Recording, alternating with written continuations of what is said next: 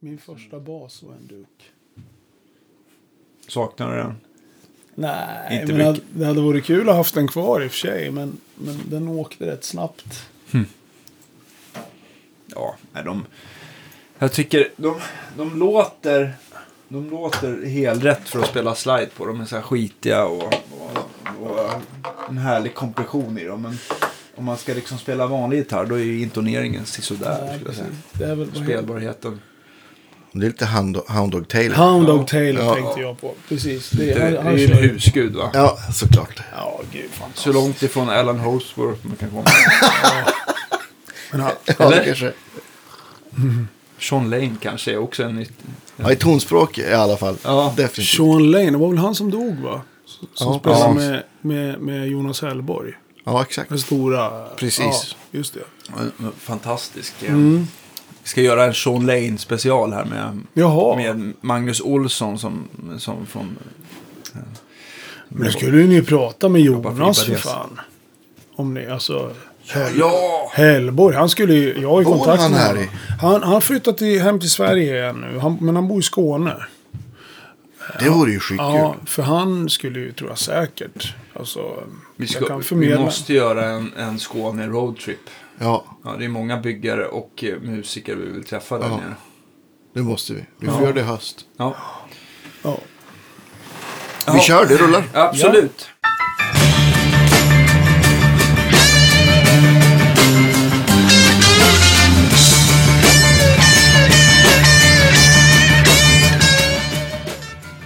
Eh, då är det dags, mina damer och herrar, för Guitar Geeks podcast. För oss är det tidigt på morgonen, kanske för er med, men eh, nu är det dags. Så att, välkommen hit. Det är Andreas Rydman och jag, Daniel Cordelius, eh, som är hostar som vanligt. Och idag har vi en eh, legendarisk basist med oss faktiskt, Ulf Rockis Ivarsson. Välkommen hit. Tack. Skittrevligt. Ja, verkligen. Äntligen Tack. får vi ta bort några strängar och lugna ner oss lite. Precis. Men vi har ju lite olika vinklingar hur vi går in eh, i det här programmet. Men jag har ju sett dig springa omkring eh, på mina arbetsplatser. eh, Och, eh, men jag har inte liksom fått reda på så mycket mer än att du har spelat väldigt mycket med Tåström genom åren. Mm. Eh, Men vi kanske ska ta det från början lite mer. Ja, Eh, Hur, när, när fick du för dig att börja spela bas? Eh, det var när jag var 13 år. Så det här måste ha varit 79. Eller det var kanske lite tidigare. Men allting uppstod ju i med punkvågen då. Ja. Efter ja, det här 77, 78. Så jag var ju liksom helt uppslukad av den musiken. Och Mm. liksom den tiden så att säga. När man är 12-13 år. Och så var ju när man på något sätt söker någon sorts identitet. Så Mm. hittar man in i det där så var det wow, man är, nu är man hemma. Liksom. Det var ju så mycket gemenskap i det också. ja, På något sätt. Eh, och kom från en medelstor, eller mindre storstad som Gävle till exempel. Mm. Så alla städer hade ju sin punk på något sätt. Okej. Eh, så att, eh, och på den tiden var det ju, ja, ska vi bilda ett band? Liksom, det, var, Mm. det var ju väldigt lätt att spela musik just det med punken. Det var, för det fanns ju liksom inga tvång på att man var tvungen att vara bra eller liksom gå någon kommunal musikskola. Utan Var vi, mera... vi, köper ett, vi hyr ett, köper ett instrument och så repar vi i två månader och så står Mm. vi på scen. Och så var det för mig. Alltså för mig var det bara så här, ja men. Jag kommer ihåg, jag hade eh, min musiklärare när jag gick i sjuan. Jag kommer ihåg, han bara sa så här, ja men bara så ni vet om ni vill. Eh, jag, jag ger ut privatlektioner på gitarr och bas. Och så sa han bara bas så här. Eh, ja, men fan det låter ju coolt. Det var liksom bara en impuls. Här. Jag hade ingen koll på egentligen vad folk spelar på plattor. Man var ju så liten liksom. ja. Men jag var ju helt eh, alltså, torsk på musik överhuvudtaget. För jag hade ju en moster som var väldigt viktig för mig som jobbade i skivaffär till exempel. Så jag fick ju väldigt mycket musik. Och Ja, hon var väldigt så här, eh, eh, ska jag säga, inspirerande på det sättet. Men, men just då i och med att punken och allt det här så. Ja men vadå, alla har ju börjat spela, då kan jag också börja spela. Så att eh, då gick jag hem till min mamma. Och, ja, men jag skulle vilja ha en bas. Jag vill spela musik. Och hon var ju naturligtvis eh, som alla andra föräldrar. Och som man, var, man höll ju på att prova sig fram. Jag var i, idrottade mycket när jag var yngre och sådär. Så höll man på någon månad och så började man, man, började man med något annat. Och då sa ju hon precis samma sak som hon sa. Ja men du kommer ju att tröttna på det där efter, efter någon vecka liksom. Ja. Men till slut så gick vi ner till, till musikaffären, Hagströms musik, på Nygatan i Gävle och, och då hyrköpte en Duke elbas med, med plastar, in plast, plaststrängar var det på den där tror jag. Oj, ja. Ja, det var vä- väldigt speciell. Alltså. Svarta eller? Nej, det var liksom, det var vanliga så här, men man, det var en kompis till mig. Det är ju plast på de här så man kunde liksom skrapa bort den där plasten. Det var väldigt speciella strängar. Men jag hade ju ingen koll. På den tiden var det ju så här, vad fan, det är bara ett instrument. Menar, Ja. Man visste ju ingenting. Eh, så att jag började spela med ett band, var ett gäng kompisar. Eh, som då hade ett, ett punkband. Så hängde jag på där i januari. Minns ni vad det hette? Ja, vi hette Pink Pyjamas. The Pink Pyjamas hette vi. Mm. Bra. Mycket bra. Ja, men sen, jag vet, sen hade vi spelat vi, jag tror vi hade premiär så här i april. Tre månader efter jag hade börjat spela. Men så var det ju på den tiden. Det, det var ju det som var lite en revolution jämt emot att ja, man skulle vara duktig i skolan, man skulle vara duktig i idrott. För mig funkar liksom hela den där grejen helt perfekt. För Ja. att jag behövde någonting som bara bröt av den där, eh, vad ska jag säga, eh, tråkigheten helt enkelt. Att allt var ju så här, nu är det skönt att bara, man får göra precis vad man vill. Ja. Så att jag började spela med ett band där och sen på den tiden så, herregud, man är 13 år. Liksom man tog ju bara dagen som den kom. Mm. Och så spelar man med, med det här bandet och sen ett halvår senare så, ja, man kanske ska skaffa ett bättre instrument. Så då hyr, hyr, hyrköpte jag en Rickenbacker-bas. Hur funkar ett hyrköp Ja, på en musikaffär? På, på den tiden så kunde det, det funkar väl ungefär som det gör på en avbetalning. Ja, ja, det kallades okej. för hyrköp. Ja, okej. okej. Det var, kanske var en avbetalning, jag vet att Ja. de, de, de pratade om det just på Hagström. Att man kunde liksom, man hyrde och så fick man köpa loss den efter liksom en viss tid. Och så.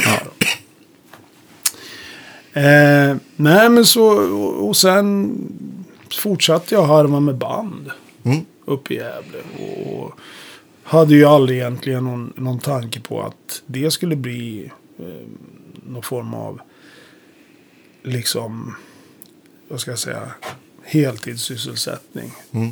Utan det, det var ju, man höll ju, alla höll ju på att spela på den tiden. Och sen insåg man ju till slut att, ja men, nu är man ju lite bra på det här. så att då, då på något sätt så, alltså allting föll på plats på något sätt. Man bara spela olika typer av musik och träffa nya människor och så lärde man sig någonting av det. Och... Jag kommer ihåg när jag var 15-16 så fick jag bara spela med ett band som var väldigt bra. I, alltså Gävle på den tiden då som, som var, eh, ja vad ska man säga, ett populärt band. Som heter Quiet. Som Ja. spelar någon form av rock-reggae. Alltså de var väldigt influerade av det här som Dagvag gjorde. Och Just det. Det fanns, eh, fanns liksom eh, influenser från, från dubb-reggae och, och, och rock och punk och sådär. Och jag fick frågan då om jag ville bara spela med dem. Och det var ju otroligt stort. Och de var ju tio år äldre än mig. Så jag, det var ju en väldigt, eh, vad ska jag säga, för mig en, en, en, en fantastisk resa. Ja, men lyssna på det här. Det här kan liksom fi- slängde åt med plattor och liksom, det här ska du lyssna på om du är intresserad av liksom, basgångare i dubbreggae. och- Ja, just det. Ja, och, coolt. och det här liksom vill gå tillbaks till rocken. Eller Liksom, eller för mig var det det där med punken. Då köpte man ju de plattorna. Men det gjorde ju också att man gick tillbaka. Och liksom Just det. eh, vad lyssnade Clash på? Ja, men de var ju inne på liksom Stones och Small Faces och New York Dolls och, reggae. Att man liksom tog reda på lite vad de här eh, Var det kom ifrån. Var det kom ifrån. Va? Så, att, så att för mig var det både att eh, just på grund av det här bandet och, och de musikerna att jag på något sätt fick en, en, en lite liksom skolning i på många sätt. Det är väl optimalt att få, få spela med. Och i den åldern så här måste, är det ju. Jag hade lite samma, samma grej också Ja. som tonåring. Man fick hoppa med folk som är äldre och spela. Det är ju, jag tror att man, man, man skärper till sig lite och, och blir nästan bättre automatiskt. Eller av att spela med bättre människor.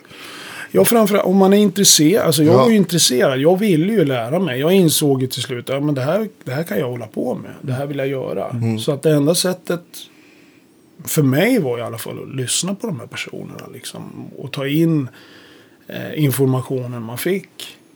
Att, eh, och ja, stå i replokal och nöta. Och, det är ju min utbildning. Det var så, så jag lärde mig att spela. Eh, sen liksom ledde det, det ena till det andra och, och till slut så spelade jag mycket blues ett tag. Hittade in i det och liksom, prov, liksom fuska med jazz. Och liksom, till slut så vart jag så här, ja men fan det här kan man ju fortsätta med. När jag var runt 20-22 där. Eh, så då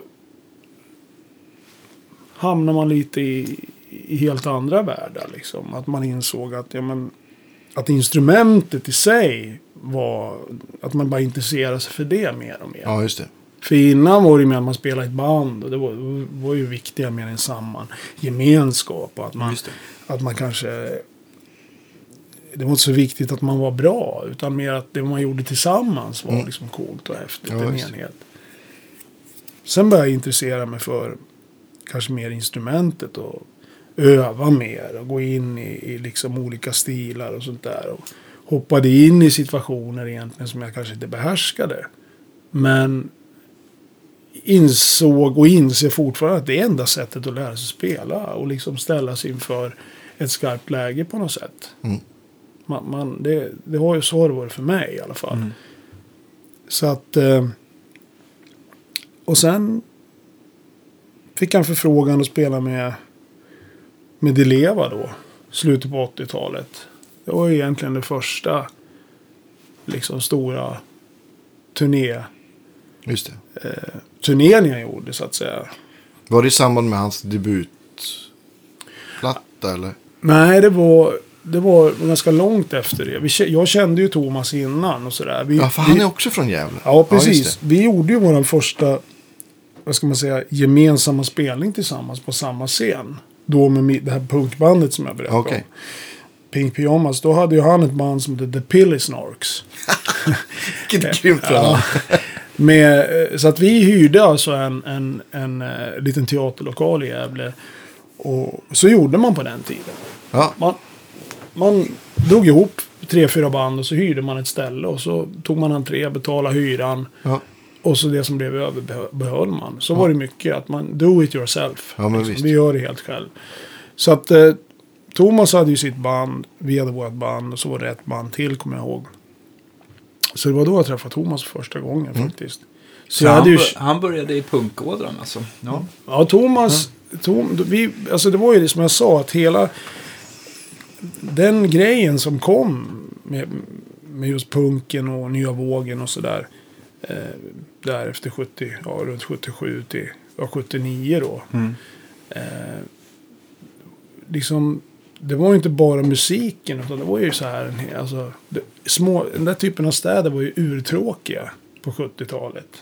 Det var ju bara en, en otrolig tur att den där grejen kom. För det skapar ju en sorts gemenskap. Det var ju Ja, bara, visst. antingen var det idrott. Eller så stod man på en flipperhall. Och, och så snippa, sniffade man tinner liksom. Ja. Det var ju så, så, och så såg det ju ut här i Stockholm också. Det, var ju, he, det var ju tur att den där grejen kom som förenade liksom. Att man, man fick en, en, det som var gemenskap. sammanhang. Ja, ett sammanhang av musik. va. En uppgift. Ja, Nej, men- liksom gör man en subgenre på något sätt som, som, som var väldigt viktig.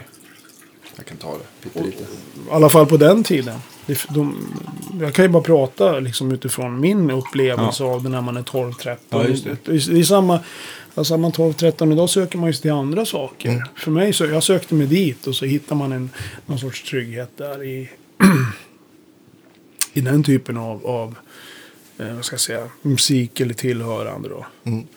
Nej men så Thomas, han, han var ju Alltså han var ju, var ju fantastisk på den, på den tiden. Han var ju väldigt före. Och liksom, vi spelar ju med en ganska rak punk. Liksom, det här Ramones och The Clash. Mm. Och Thomas band, de var mer inne på liksom David Bowie och Roxy Music. Och, och blanda upp det med, med sådana här postpunkband som, jag vet inte om du känner till, men Magazine och Buzzcocks och sånt där. De var lite svårare. Och de, var bara, de var två år äldre än oss. Men liksom, det fanns en... Redan där fattar man att fan Thomas han kommer att gå långt. Mm. Fan, Han har en vision. Ja, en vision och han hade liksom en oerhört eh, liksom, konstnärlig ådra i både text och musik. Och... Men sen, det här, det här var ju senare så att säga. Det här var ju 88-89 jag fick en förfrågan. Och då hade han precis släppt ett album som heter Rymdblomma. Mm. Med låtarna via bara varandra. Just. Och... så då fick jag en förfrågan att åka ut med honom då. På en turné. Och sen Sen vart jag kvar i, i hans band ganska länge. Både på plattor och, och, och live. Och det gjorde att man liksom sen då fick andra Mm. eh, förfrågningar sådär. Det var ju, då den skivan kom, det var ju en sån super, superhittar. Men vi har bara van, varandra och... Ja, precis. och eh, Ja, måste vem ju ska, sålt massor eh, vem på ska jag tro på Ja. på samma? Ja, den kom på plattan innan den. Den Okej. hette ju Vem ska jag tro på? Ja, just det. Ja. Nej, men så, så det... Ja, då såldes det ju mycket plattor. Mm. Och de turnéerna var ju fantastiska. Där, där också som vi gjorde. Så... Thomas, Slog, slog, slog eh, Thomas utanför Sverige någonting? Att ni kom över till Danmark, Norge och Finland och sånt där och turnerade? Eller? nej, det var mest Sverige. Vi var, jag tror vi var i Danmark. Vi spelade på Roskildefestivalen. Ja, Ett okej. par vändor gjorde vi. Ja. Eh, sen... Eh, eh, vi gjorde någon spelning också, kommer jag ihåg.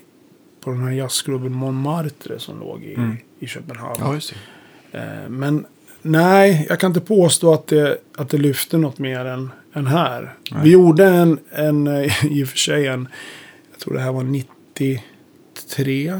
Kan det vara 93 så. Han gjorde ju plattor på engelska.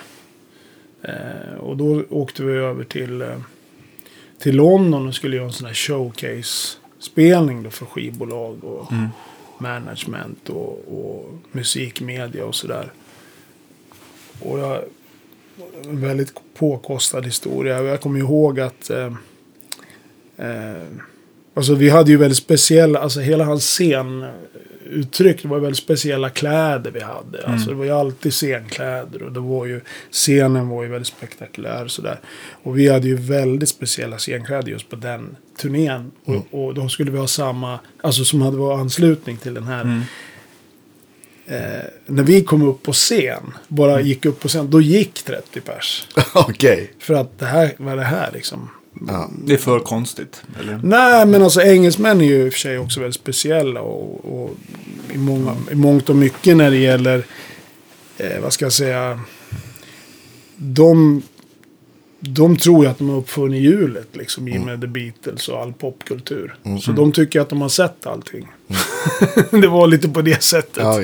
Så att, eh, men vi gjorde den där spelningen och det hände väl inte så mycket. Men det var ganska kul så här hur, hur folk liksom demonstrativt bara liksom okej, nu fattar vi vad det här vi, vi behöver inte se det här. Då gick liksom 30 pers efter gratisdrinken och, och Ja. liksom. Ja, nej men så att. Eh, nej, det var, har ju varit mest Sverige så att säga. Så där var jag med ganska länge. Jag hoppade av den svängen faktiskt 2005. Men det är också sen var det allt möjligt däremellan. Jag spelade mycket med Claes Yngström och Sky High. Och Mm. det var ju, alltså, vad ska man säga, paradoxen till Thomas mycket sådär. Det, boogie-rock och liksom, det levas liksom på något sätt. eh, pop. popmusik, ja. precis. Men... ehm, Det är skönt med lite kontraster också. Ja, alltså det måste, ja, det måste vara så. Mm. För mig i alla fall. Eh, och jag tror jag alltid har på något sätt dragits till det och sökt mig till det. Eh, att det måste finnas en... Eh, eh, ja, det får inte bli för tråkigt bara. Mm. Om man bara håller på med en sak eller två då, då blir det sömnigt tycker jag. jag, jag man måste ha det här liksom... Eh, vad ska jag säga? Att man inte riktigt vet vad som händer imorgon. Ja, men man, visst. Jag tror också att det är en bra grej. Och att man, att man på något sätt um, försätter sig också i situationer, lite som jag sa innan, att man inte riktigt... Ja, men det här behärskar jag inte riktigt. Men hur ska jag liksom behärska det? Jo, genom att prova det. Mm. Och, och sen kan man kanske uttrycka sig att eh, ja, men det här var inget bra. Det här kan inte jag. Det måste man göra innan man... Alltså man måste ju prova. Ja. man måste ju testa sig fram. Och just därför tycker jag att det är viktigt att, att prova runt. Verkligen. Eh, det är hela, hela alltså mitt recept i alla fall för att, att spela musik. Mm. Och, och inte på något sätt säcka ihop och bli trygg på fel sätt. Så att säga. Ja, men precis. Behålla någon typ av hunger och, och Ja, liksom ja, det- nyfikenhet. Ja. Men jag kan tycka också att man kan liksom dra det där olika långt också. När man ska gå in i en ny genre. Jag kan bara tänka på den här, den här äh, rockabilly-genren som jag har varit inne i ganska Mm. länge. Att det finns många gitarrister som verkligen så här ska ta ut alla solon ton för ton. Och det ska vara exakt rätt gitarr och samma förstärkare som originalinspelningar. Och jag har aldrig liksom varit intresserad av det. För att man, jag har ändå tyckt att man måste få visa sin egen Sitt eget uttryck. Ja, precis. Va? Eller man måste spela på de gitarrerna som du trivs bäst med. Eller, Ja. Alltså jag fattar att det kanske inte kan... Jag, jag har väl aldrig ställt mig på en, eh, på en scen med någon, med någon eh, sjusträngad... Jo, det har jag. Men men, men, jag, jag tycker att lite stilkoll kanske man får ändå...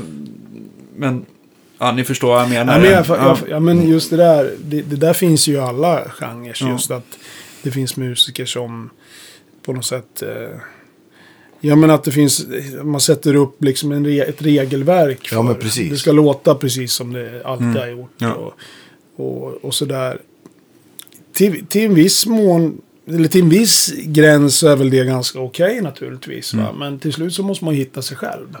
Ja, men precis. Det, det blir ju någon typ av dogm som kanske gör att, att det dör lite.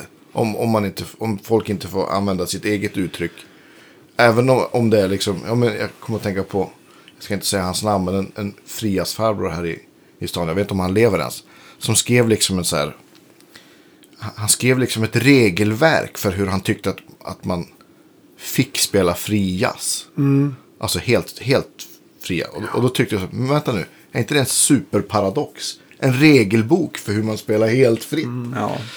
På ett sätt kanske, ja, men ja, jag vet inte. Men var han inne liksom på med vilken instrument man fick använda? Nej, eller men det var mer så eller här, nej, men du vet, det var mer så här, ja, men du, du liksom, du får inte spela, du får liksom inte vara för långa segment som är för melodiska. Du får inte, och du vet, det var så här, ja, jag kommer inte ihåg. Ja. Men spelar han själv eller? Eh, Eller eh, var han, var han liksom skivnörd? Jag tror att han spelade själv. ja, okej. Nej, men det, ja, men såna, där finns ju aldrig, det går ju att hitta sådana där i, i, spelar ingen roll om man spelar blues, folkmusik eller vad vet jag. Ja, så, det så går det att hitta ju- de här puritanerna. Det känns nästan mer som, som museiverksamhet på något vis. Mm. Och det är ju fint också. Men, Men det är ju det också som jag försöker bära med mig. Som jag har lärt mig på min självlärda resa. Eller vad ska jag säga. Det är ju att ehm, liksom de där dogmerna är ju anledningen till att man... Det, det var ju därför man... Det var ju så man inte ville ha det när man började. För dogmer fanns det när man gick i skolan, när man idrottade, när man höll på med allt annat. Det var Precis. därför jag sökte mig till det där, för att slippa just de där regelverken. Eh, eh, alltså grundinställningsmässigt. Sen är det väl självklart att om det hamnar i vissa musikaliska sammanhang så finns den personen man jobbar åt har ju sina liksom regler uppsatta kring Absolut. vad den personen vill, vill få ut av sin musik. Och då, får man ju på nå- då, då måste man ju på något sätt känna in det. Men, det men det handlar ju mer om, att, och, och tycker jag, då, som musiker, att, att ha ett förråd av, av liksom, vad kan jag ta fram här för att liksom tillfredsställa den här låten eller den här artisten eller musikern jag ska spela med.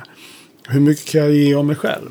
Hur mycket, alltså att man, det, det, är, ju- det är väl så man får tänka liksom. Men jag kan tänka mig också, eh, det leva, eller jag kan bara föreställa mig att man ändå, man ändå håller sig till hur låtarna är. Det är väl inte så mycket som till exempel Sky High som är liksom någon form av boogie-rock, att det är lite du har lite friare, lösare tyglar och kan spela lite mera fritt. Ja, precis.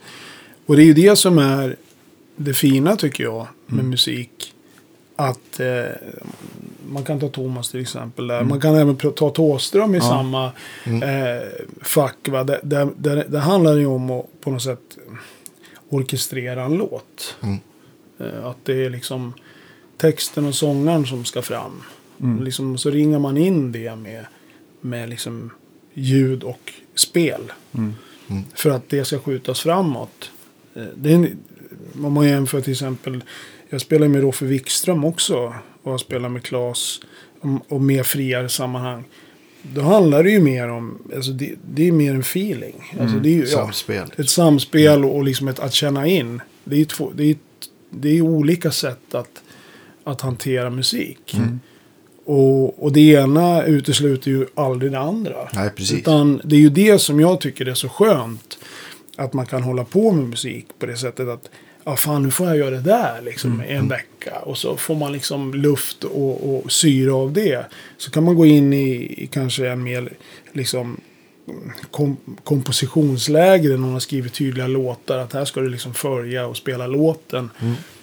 Och så får man näring av det just då. Då blir det aldrig tråkigt. Utan, utan eh, ja, det Men jag tänker på Thomas och, och eller Tåström eller vilken du har spelat med. Har du någonsin haft så här äh, fått direktiv eller önskemål om vilken typ av bas eller style du får ha eller eller har det alltid fallit sig naturligt att du har haft rätt smak vid rätt till? Ja, Nej, det kanske var en knasig fråga. Ja, jo, men det är ganska, det här är jättekul faktiskt. Eh, när jag började spela med Thomas, då hade jag egentligen bara en bas. Eh, då hade jag en Fender Jazz-bas som jag fortfarande har kvar. En gammal Fender Jazz-bas.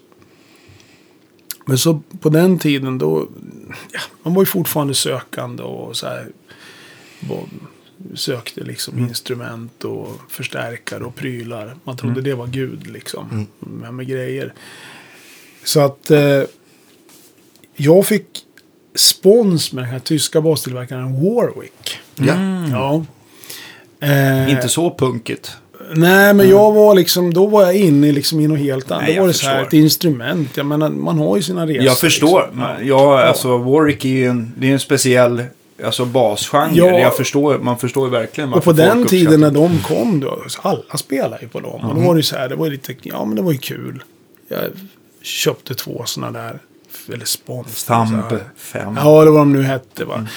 Och då kommer jag ihåg att eh, vi skulle spela in eh, någon gång och så, så säger Thomas, ja, äh, men du fan, du får, får liksom, vad händer Fenderbasen då? Den där, den där sommarstugan du spelar på, det är liksom inget, funkar inte på den här låten.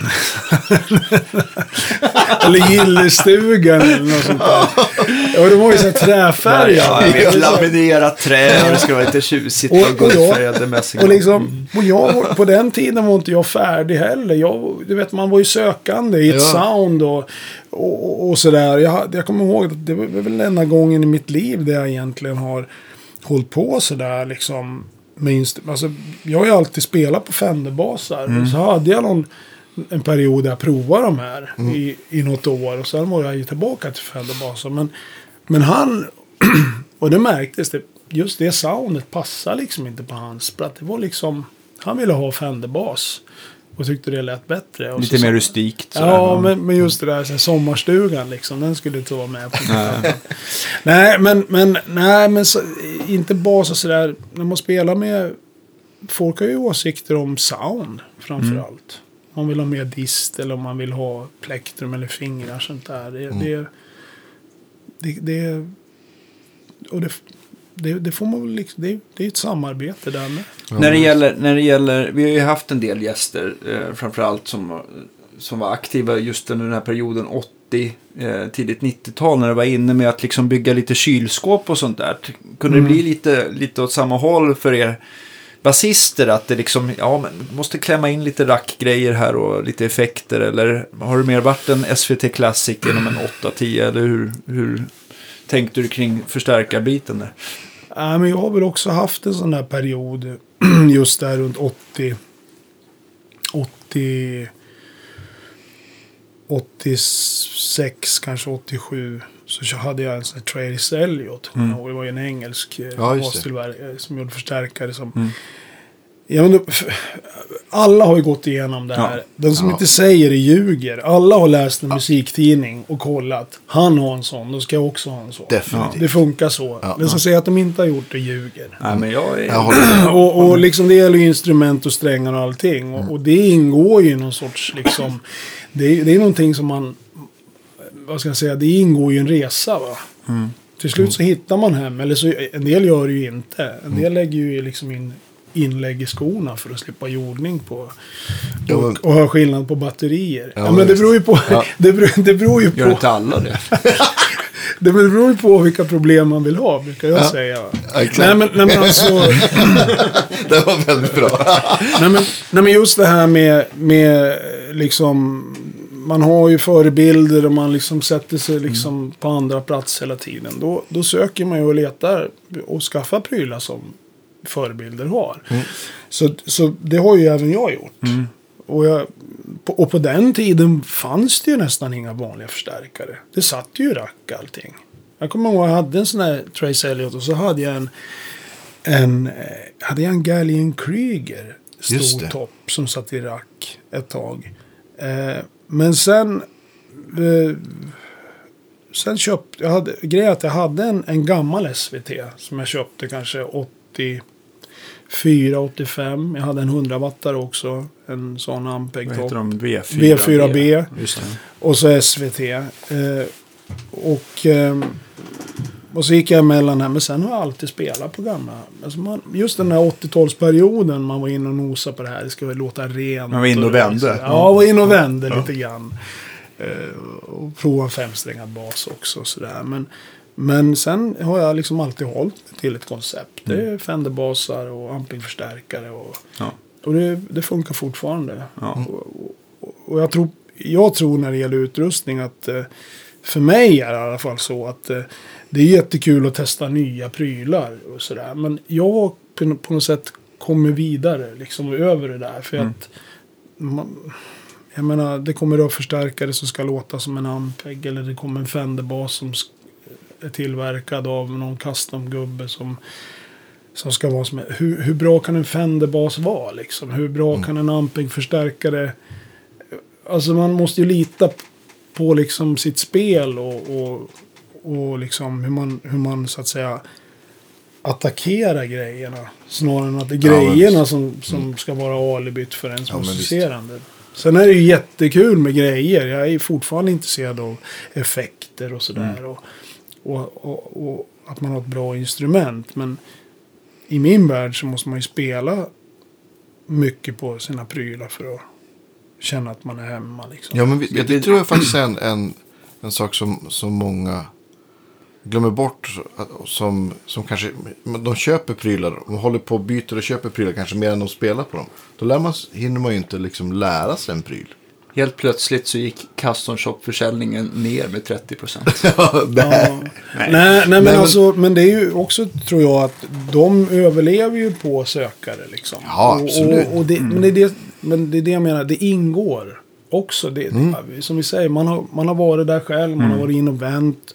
Och det är olika stadier. Eh, liksom, och det är som mus, med musik också. Och framförallt nu i, i liksom heminspelningsstudiotider där, där, det- där det sitter alltså, finns forum. Där folk sitter och så här AB-testar olika preamps. Men hur fan ska du kunna veta om, de, om grejerna är bra om du inte använder dem? Nej. Du måste ju spela in musik, du måste ju använda det. Köper man en synt till exempel. Så måste man ju lära sig ratta på den. Och till slut, ja men den här funkar för mig. Eller det här musikprogrammet. Eller vad man nu väljer att använda. Så måste man ju ta det ändå som någon sorts seriöst arbetsverktyg. För att kunna säga, ja men fan det där funkar inte för mig. Jag har hållit på med det här i två år nu. Jag vill, ha, jag vill testa något annat, för jag vet. Istället för att man bara köper på sig en massa prylar och så, och så blir man någon sorts expert. Ja, ah, den där låter bra på liksom det eller det. Eller mikrofoner till exempel, när det gäller inspelning. Du kan ju AB-testa hur mycket prylar som helst, men det är ju inte micken som är viktig. Det är ju den som, som sjunger i, Ja, i micken. Ja, ju. Och jag menar, mick för 30 000 eller 5 000, ja. Den valmöjligheten hade du inte på 70-talet. Men den har du nu. Och Ja. den ställer ju också till ganska mycket problem tror jag. För att du får ju mer liksom möjligheter och, och oro. Och, och, och jag menar, vem av alla dessa människor har tid att testa de här prylarna? För, och, liksom, och, och liksom som har sanningen kring det. Liksom. Du, må- det måste du hitta i dig själv. Ja, men eller hur? För jag menar en, en, en pryl överhuvudtaget så här, det är ju... Ja, det sitter ju här. Det sitter ju i systemet. Allt du spelar kommer ju härifrån. Så att jag menar... Ja, men precis. Och, och om du spelar in världens bästa låt med världens bästa sångare. Om det är den här mikrofonen eller en U47 så kommer det liksom i slutändan så kommer folk bara tycka att det är en jättebra låt och det kommer låta Nej men ändå. precis. Och då, då är det här ett självändamål. Alltså att prata om utrustning och sånt där. Mm. Alltså då blir ju, det blir ju liksom en nörd. Och det är ju fantastiskt. Det är ju Mm. kul på ett sätt. Men det är ju ingenting som är viktigt i realiteten.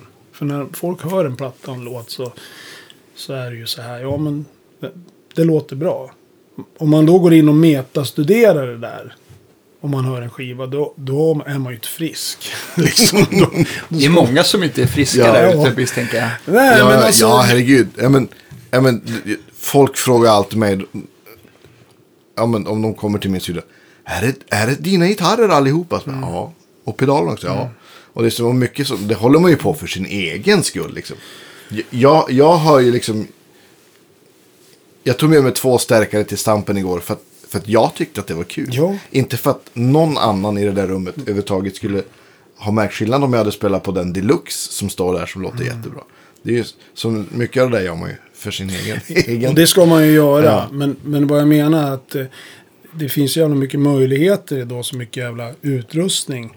För Ja, inga pengar eller som ja. låter fantastiska. Jag menar, du kan köpa en Fender-bas för 3000 som är hur bra som helst. Och, och till slut, och som du kan skruva på. Eh, och, och, det beror ju på vem du sätter den i händerna på. Mm. Jag menar, så är det ju med allting. Liksom, jag menar, du kan ju sätta en mikrofon för 250 000 framför någon som inte kan sjunga. Det blir inte bättre för det. Nej. det är det jag menar. liksom. Ja, men precis. Ja, men jag håller med. Du måste ju liksom koka ner till någon sorts eh, musika, musikalitet och, och, och grund i, i den som utför det. Ja men precis, att det kommer i första rummet. Ja. Liksom, ja. Det- det- Johan Norberg sa någon gång, det har jag snott, så här, skitbra så här. Så här ja, men om du ska spela in akustisk gitarr så kommer du märka hundra gånger mer skillnad på om du byter strängar än om du köper en 30 000 kronor dyrare mick. Ja. det sitter det ganska mycket i. Ja, och sen kan du ju använda förmodligen samma gitarr och sätta den i händerna på tio personer. Den kommer låta olika. Ja, Det- ja, det också. Eller bara instrument och hur, Mm. hur folk tolkar saker. Det, det, Jag kan, jag kan också tänka så här att vissa gitarrer inbjuder ju till lite olika typ, alltså de lockar fram lite olika typer av spel hos en i alla fall. Ja, jag tycker man spelar lite annorlunda när man får en tele i händerna än när man, än när man får den här En burken. Liksom. Man ja. väljer att göra andra Ja, precis. sätt sådär. Så det kan jag tycka. Men jag kan tänka mig också för din del. När man kör en, den, här, den här jazzbasen och in i Ampeg-förstärkaren som är två så här klassiska beprövade kort. Att man, bara, man vet att det funkar och så slipper man lägga mer tankekraft på det. Liksom. Bara, det tapp, man tappar inte momentum helt enkelt. Nej, det är väl det- det jag först- man, man vill hitta till till slut har jag hittat Ja, dit. ja. Eller nu, nu spelar jag mest precision-basar. Det, är Mm. ju- det är det. Och jag, har nästan bara sådana. Och, och det funkar för allt jag har gjort Mm. hittills. Och det är ju allt ifrån eh, liksom industrirock med, med Thåström, blues med Klas och Mm. Ruffe. Folkmusik med en folkmusikorkester. Eh, och liksom så länge ingen klagar så, så är det bra liksom. Jag, jag menar, ja, jag tycker det, det, det, på något sätt så har jag fastnat där och jag tycker om det. Men jag tänkte på just det här eh, skillnaden mellan jazzbas och PA-bas. Det kanske inte är självklart för alla våra lyssnare i alla fall. Hur upplever... Vad är det du uppskattar hos de bägge? Eller hur är- skillnaden så mindre än vad man tror? Ja, men det, är, ju- det är ju alltså en, en... eh, Skillnaden är ganska stor och, ändå inte så stor. För att känslan när man sätter på sig en Fender-bas Ja. är ju densamma. Det är ju liksom en väldigt... Jag tycker det är en... Det är förmodligen som med gitarrerna också. Ja. Att eh, det är bara så här... Fan, man känner sig hemma på en gång. Eh, en jazzbas är ju... Är ju liksom lite snabbare på något sätt. Det är ju en tunnare hals. Ja, det. Det är liksom ett rappare sound i de här två mickarna på något sätt. Det är mer, eh, vad ska jag säga, en, liksom ett perkutivare liksom sound och, och i en jazzbas. En, en Fender har ju mer, en Precision har ju, är ju lite fetare i halsen. Mm. Eh, och, och har ju liksom mer liksom, sound, liksom mer umf, liksom mellanregister, tydligare, ett knuff i soundet som, som jag tycker passar det, det mesta. Det soundet som är en P-bas får man ju ungefär i en jazzbas om man vrider bort den bakre micken till exempel. Då får man ju det, det, det där soundet, fast lite klenare. Men skillnaden är väl att det är en mycket tunnare hals på en, en jazzbas. Jag vet att gitarrister som, som spelar bas föredrar ju oftast en jazzbas. För Ja. att den känns ju mer som en... Ja, Gitarr. känner sig mer hemma sådär. Eh, Jag, men, fick det för, jag fick det förklarat en gång när jag var på Fenderfabriken 2007 av någon säljare där. Att en jazzbas den låter som ett karateslag medan en eh, p-bas låter som att man får en lavett. Ja, jo. Ja, ja, jag har aldrig... Jag, prov, jag provade det säljknepet några gånger och det gick väl sådär. jag. Det var ingen som ville få en lavett, eller hur? Då köpte man en jazzbas. Ja. Nej. Nej, men, men man, man, man kan väl säga så här liksom att eh, när det gäller elbasar eh, så, så finns det ju egentligen alla moderna elbasar till exempel. Vad jag har förstått. Eh, liksom soundmässigt så, så utgår ju det från en Fender jazzbas. Liksom, att du får det här liksom brighta, knorriga ljudet med, stallmicken och, och, och liksom båda två så får det det här vida, mer äggläget liksom. Just det. Och det spelar liksom ingen roll om det är en Olympic bas eller eh, om det är en handbyggd eh, eller jättedyr. Så, så- alltså, soundmässigt så, så är, tror jag, jazzbasen en prototyp mycket för just moderna basar med, med två mikrofoner till Ja, exempel. Sen ska man väl komma ihåg att de här tidigaste precision-baserna som kom på 50-talet, de lät väl mer som en enmickad jazzbas. Jag tänker de som hade den här fina lilla Single coil micken, ja precis. Är det det som kallas telebas? Eller är det något annat? Alltså de hade ju Telecaster-huvud. Men jag, ska, jag vågar inte svära på vad som kallas för telebas och inte. Jag har för mig att de här... Det finns ju också en sån, te, en sån bas från Fender som har den här jättestora halsmicken. Jag kommer inte ihåg vad den heter. Om det är någon form av humbucker. De låter ganska... ja, just det. låter väldigt Sub- tjockt och ännu rundare. Ja, just det. Men eh, Precis. de har Telecaster-huvud. Men jag vågar Alltså inte- första P-basen eh, kom ju 51. Va? Och det är ju den som sen Fender började tillverka. Som Fender sen kallade för Telecaster-basen. Okej, okej. Ah, För att eh, den här eh, Fender-basen då med Telecaster-huvudet. Mm. Det var den första P-basen. Och den tillverkades fram till 56-57. Och 57, 57 då kom den här klassiska P-bas-kroppmodellen som, som, Som vi ser nu, nu. Som den ser ut nu. Och då var det Precision Base. Och, alltså det var liksom den nya modellen på, på P-basen. Sen tror jag någon gång där 67-68 så kom Telecaster-basen. Då tog man, tillba- tog man alltså den första Grundreceptet. grundreceptet och gjorde till Telecaster. Och då såg den ut som den alltid har gjort om jag inte har helt fel. Med single coil-micken först. Okej. Sen kom den här, tror jag, slutet på 70, eller slutet på 60, början på 70. Kom den här modellen med den här stora handbacken Just det, framme vid halsen. Och som, som också sitter på de här Gibson EB-basarna. ja, just det. Så att... Eh, eh, alltså de första Telecaster-basarna och P-basarna ser ju ganska li- eh, ser ju nästan likadana ut. Men det som, de här för, den första varianten, den var väl mer skuren som en tele. Att den inte hade den här fasningen för armen eller för revbenen. Belly och arm cut, tycker jag. Men att, eh, den blev lite mer ergonomisk här som man tycker är trevligt med. Ja, jag tror, jag tror att eh, nu ska vi se om min nörd... Ja, lite kantigare så här i de första åren. Hänger med. Ja, precis. Den hade ju det här som kallas för, alltså som en Telecaster ser ut. Alltså, eller ja, den, som inte är välvd så att Ja, säga. precis. Ja. Så såg den ut tror jag fram till 55. Sen runt 56, sista, sista året där, 55-56, innan den nya modellen kom. Ja, precis. Då gjorde man den här. Då härmar man lite Alltså strattan för, för, för där man lägger Ja. handen. Ja, okej. Så Det att blev det- lite mer ergonomiskt det där. Det som jag gillar med strattan, som jag liksom inte riktigt vänjer mig vid till.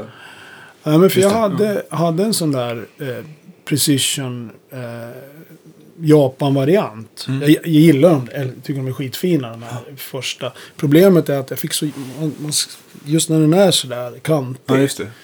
Så jag vart aldrig kompis med det liksom. När man spelade plektrum gick det bra när man kunde höll liksom armen Ja, utanför. Men skulle man spela fingrar så fick man nästan ha bandage liksom. För att man, jag vill liksom lägga armen som Ja, stöd precis. över kroppen. Ja. Men sen vet jag som sagt, de, de gjorde, började välva de där sen. I, liksom senare. Jag, kom, om, jag tror det var 55-56 någon gång där. Jag tänker också att det är många, det är väl många p-bossar som har fått eh, fräsen i sig för en jazzbasmick bakom. Ja, jo då. Var det någon modifikation du... Nej, det har jag aldrig gjort på något. eh, Alltså inte... Inte... Nej, inte på så att man på något sätt sitter där med en gammal 60-talsbas med en jazzbasmick eh, dit eh, skruvad. Har- Det har jag faktiskt aldrig gjort. Nej. Utan däremot så har jag ju har jag ju sådana instrument. Ja. Jag har en jättefin bandlös bas med, med en, en sån jazzbasmick i, vid, vid stallet. Men jag har faktiskt hållit... Jag har ju en gammal med P-bas från 65, en vit som jag nästan alltid spelar på. Mm. Den är ju intakt. Eh, så att säga. Och den här jazzbasen från 65, det är ju de instrument jag har haft nästan längst av alla. Så de... Men sen blir det ju så här, spelar man mycket på grejerna så slits det ju. Mm. Mickarna på Fender Precision-basen har, har bytt ut. Mm. Jag är inte sådär vintage-nördig på det sättet. Jag, jag tycker det ska låta bra. Det är ett instrument man spelar på. Det är ett verktyg. Mm. Eh, och behöver man fixa dem så, så gör man det. Mm. Tycker jag också. Jag tycker det var lite. Jag var i New York nu förra året och, och eh, i år. Och, och i, ja, hamna på lite musikaffärer. Det blir liksom inget kul va. För att det är som att gå in i museer.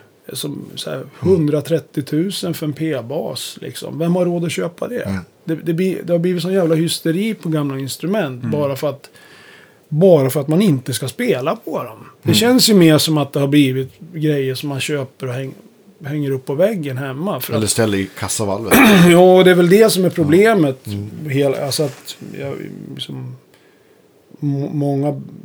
Alltså när jag köpte min jazzbas, 60, en 66 är det, på 80-talet, den kostade 5 000 kronor.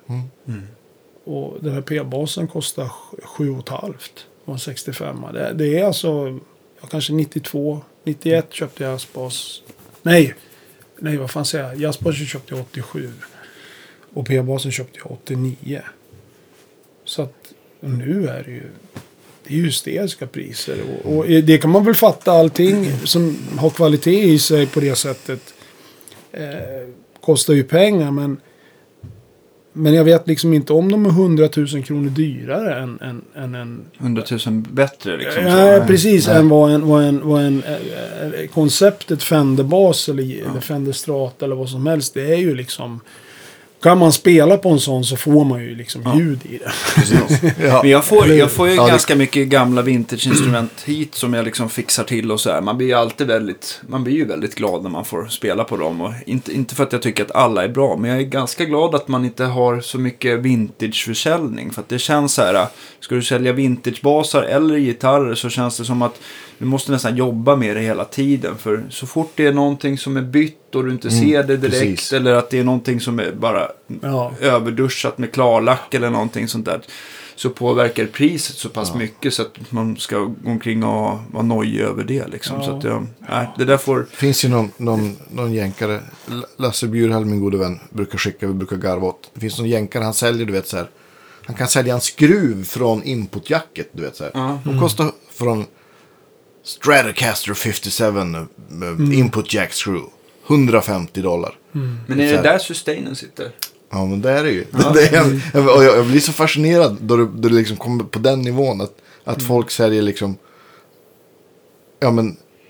Dammet som sitter innanför pickup-kåpan. Eller liksom en skruv för 1500 spänn. Får jag gå och hämta en grej? Ja, bara, för absolut. att, bara för att vi ska vara lite Ja. nördiga. Ja, det är ju, Fortsätt prata ni. Vi ska Ja. vara nördiga. Nej, Men jag kan förstå det också att om man har en gitarr som kostar 150 000 så är ju fem, om man ska få den original så är väl kanske inte 1500 för en skruv. Mycket pengar i sammanhanget men, det, men, eh, men om man, om man tänker, tänker utifrån att det ska vara ett instrument som, som, eh, som man ska spela på så blir det ju Nej, lite absurt. Ja, precis. Och jag menar, då börjar man ju gå i så här tankebanor liksom att de som verkligen ska spela på de där instrumenten, de har ju inte råd att köpa dem. Nej, Jag menar, jag menar man... Vem är det som köper de där grejerna liksom? Ja, det är klart att det är någon som gör det, men jag tycker att de ska spelas på. mm, tycker jag också. De, det, har ju, nu har det, det har ju blivit ett läge där... Ja, men ska du ta med din gamla bas på turné? Men vad fan ska inte göra det för? det är min bas, liksom. Ja, men om, om någonting händer. Ja, men... Jag kan, ja, då, då, då får det hända. Ja. Det, det, det, det är ett verktyg. Det är inget annat liksom. Sen, sen är det jättekul att, att man faktiskt har två gamla instrument som man har haft råd att köpa. Och som du gillar. Och som jag tycker om. Just på grund av att jag spelar på dem så pass mycket. Men jag har ju inget behov av att, av att liksom... För, för då, om man, om man på något sätt lägger dem i ett case och stoppar dem under sängen, då supportar man ju hela den där dum, Ja, ja, dumheten av att grejer snart kostar 300 000. Liksom. Eh, Ja, jänkarna har ju till och med ett, ett namn för så här in, instrument som, ja, som är vintage fast inte är original. De kallar det players vintage. För att, Ja, för att ja, liksom, ja, men det är så här, det är något, det är refinished eller det är Ja. stämskruvarna eller bytt. Så då sjunker värdet så mycket så att, så då, då har vi som lirar råd att köpa dem. Ja, det, det, du hör ju själv liksom. Ja, det, det är lite märkligt. Men, men och, och jag menar, det som jag, som jag tycker, jag menar, spelar man mycket på prylar då, jag menar en gammal, den här P-basen som jag har som är från 65, den är lika gammal som mig. Den blir 53 år. Jag menar, det är klart att, att man måste byta ut saker. Jag menar, så här, ja, den är helt original. Om, eller om man liksom då ser en gammal bas som hänger på i en musikaffär och så är den så här, jag vet inte vad kallas det för, det är så olika, ja, mint condition och helt original. Då kan man ju räkna med, ja men den där är väl ingen som har spelat på den där. Nej, Det är som, då är det inte, oftast inte så roliga instrument heller. nej men jag, jag känner att man måste ju skilja, alltså har man, skaffar man det som ett museiföremål eller skaffar man det för att man ska spela på det? För mig är det en gitarr eller en elbas. Det, det är ju ett verk, man ska väl lira på det. Ja, det tycker jag också. Absolut. Så att, eh, Förlåt. Ni kommer ju tycka att jag är fullkomligt... Dan, Danne kommer med något som ser ut som en skateboard här. Såna här... Det är inte det. Utan det här tycker jag, det är ju sånt här som jag har funderat på mycket. Det här, nu är jag spänd av förväntan här. Ja, och det här är alltså, nu ska vi se, det här kan ju eh, vara plattfall. Men jag tänkte bara, jag har två skruvar. Okej. Vad är det för skruvar? Det här är alltså... Är det halsskruvar? Halsskruvar, ja. Ja. Till, eh, till, eh, till halsinfästningen. Nu ska vi se om det blir någon skillnad överhuvudtaget. Men jag menar på att det är helt olika material. Mm. Ja, så jag släpper dem en och en. mm. Bara för att, eh, för att ni kan ringa in till SÖS sen och lägga in det. jag var ettan. Nej, jag tror att faktiskt att det blir alldeles för lite Jag, skillnad. jag tror att du får vända på den där. Den landar på någon typ av papp nu tror jag. Okej, okej. Det tror jag är bättre. Det skulle ha varit något hårdare. Alltså, Jo, det- men jag har. Det, alltså. Den, den, det är stor skillnad. ja, hör ni att den, den första skruven ja. mot den, Den andra. där har en det är så jättehög överton. ja. Lite mer me mellanregister i det sista. Och, Nej, men- och clear. Nej, men jag menar att det var... Jag tänker också att den här, de här gamla materialen, att det var annan metall i det helt enkelt. Är det där en Eh, gammal skruv ja, alltså? Nu åker jag till SÖS. Nej, nej men alltså det där, det där har, har inte jag något nå, nå problem med egentligen. Nu ska vi se, jag ska bara stänga av det så. Alltså det där, det där, det Fan, där jag- handlar ju om en hand, hantverks... Nej, nej. Det där är ju en hantverksmässig, Ja. Eh, vad ska jag säga, företeelse. Ja. Som jag tycker är otroligt vacker. Ja. Alltså att människor bryr sig. Mm. Som bygger instrument. Så det, det är ju supercoolt liksom. Eh, jag har haft kon eh, kontakt med en, en, en, en koreansk eh, bas och gitarrbyggare som heter Molon. Ja, just, Ja, det. just Just det. det. Ja, jag kände, Jättefina. det, ja, men jag gjorde i ordning en sån till Magnus. Ja, just det. Johansson. Han, han, han har en sån. Ja. Och jag var lite i kontakt med dem och sådär. Och, och han är ju så här att han, han försöker liksom hitta då eh, metallen som skruvarna och stämskruv, all, hu- som gjorde så att säga. Material, att det ska vara så pass genuint för han menar på att det påverkar soundet och sådär. Det tycker jag är fantastiskt att han Ja. liksom hittar den grejen. Och att han, att han att, att man som instrumentbyggare bryr sig på det sättet. Precis som en låtskrivare gör. Eller musiker när man, ah, men jag vill hitta inte sound, jag måste hitta produktion, jag måste hitta. Det, det är väl helt enormt. Liksom. Men det är ju liksom, det är två helt olika saker Ja. menar jag. Att man som musiker då ska bli expert på det han gör. Det är ju helt ointressant. Jag menar, jag vill ju bara få ett instrument som känns skitbra. Och så här, det här älskar jag att spela på. Sen har inte jag lust att gå in i metadetalj. Vad han har gjort. Liksom. Eller, jag, vill, jag vill bara känna att det här är skitbra. Förstärkaren är bra. Och, och personligen så är jag faktiskt jag är ganska, on, jag är ganska ointresserad av liksom så här eh, vad det är för högtalare i en, högtalarlåda eller vad det sitter för rör. Jag, jag har inte det intresset. Men däremot så tycker jag att det är häftigt att, att det finns folk som ändå ser till att det blir bra prylar. Mm. Det, det är något, något helt annat tycker jag. Liksom, det vi snackade om innan Ja, det här om, om, om pry, som, att man som musiker eller mikrofoner eller vad man nu nördar in sig på. Jag tycker man ska lita på de här människorna. Ja. som, som faktiskt gör grejer åt oss. Så, Ja, Ja. precis. Jag Jag, jag, jag, känner ju också sådär, eller det som jag har insett nu med att, att uh, hållit på och skruvat och bytt grejer på gitarrer och sånt där. Att det behöver liksom inte heller vara just det där som gör det där, det där magiska. Utan ibland har jag fått in en sån här, en på pappret en bas som inte ska vara speciellt kul. Den borde helt enkelt inte vara bra. Du vet så här, ganska tung 70-talare, jättetjock lack. Eh, och och eh, du vet, eh, dålig inpassning i halsfickan och liksom inget, inget, inget vackert bygge rent tekniskt. Mm.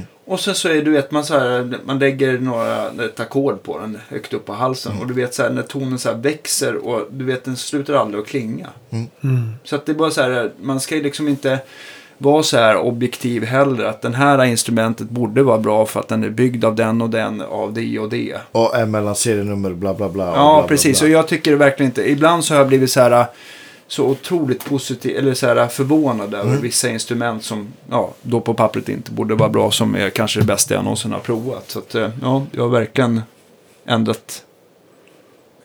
Eh, Ja. ja. Nej, men det var ju precis. Och det där, det finns väl många exempel på.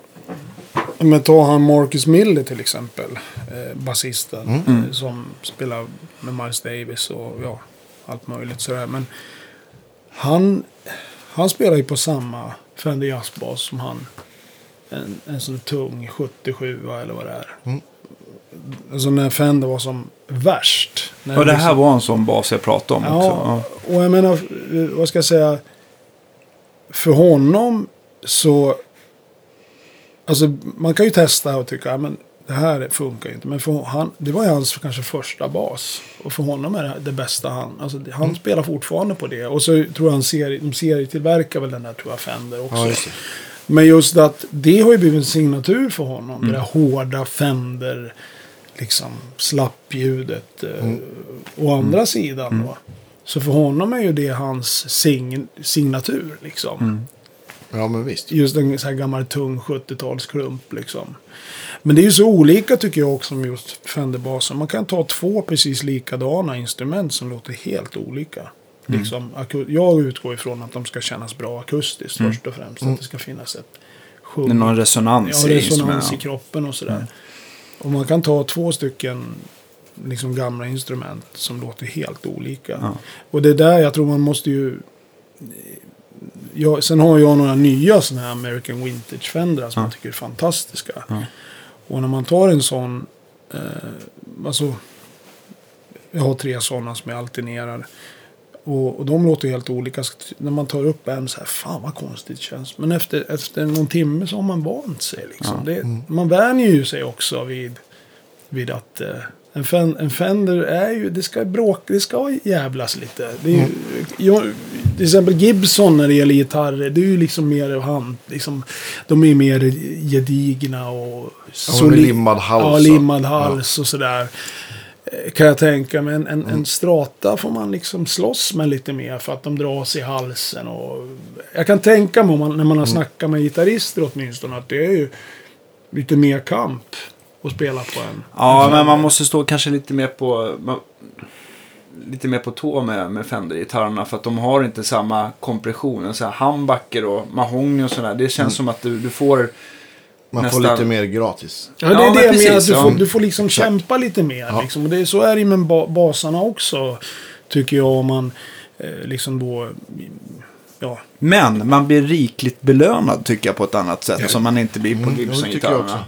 Men det är det jag Ja. känner just med Fender, att det är därför jag tycker om dem. För att Mm. eh, det, det, det är lite, man måste spela på dem hela tiden. För att ibland är de inte kompis liksom. Mm. Men fan, nu får man hålla på och skruva, släppa dra lite på dragstången. Det drar sig lite. Det, det blir lite, lite som en ceremoni att hålla på med, med sina p-basar. Jag, jag tycker om det. Ja. Ja. fantastiskt. Ja, absolut.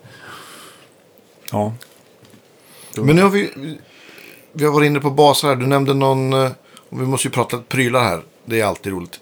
Du nämnde någon bandlös bas också. Mm. Vad, vad är det för någonting? Ja, det är en, en, en, en Fender Precision eh, eh, Tony Franklin Signature, heter den. Det är, det är, en, det är en vanlig P-bas med en, en, en jazz eh, basmick vid stallet som, som en basist eh, som heter Tony Franklin designade åt eh, eh, Fender för kanske 13 år sedan. Mm. Som jag testade och tyckte var jätte, jättefin liksom och skön. Mm. Och den är baserad på en 70-tals Fender, lite tyngre. Eh, Men, men att den har också den här jazzbasmicken så man kan liksom få lite... Man miau. lite mer liksom. Men jag använder ju... Jag, bandlös bas har jag använt mycket när jag... Jag spelar ju in egna grejer och gör mycket dubb och reggae-grejer. Och då har jag upptäckt att bandlös bas med, med slipade strängar liksom. Det, det blir liksom ingen överton. Det finns inget band som liksom skapar... Skapar Ja. liksom den här...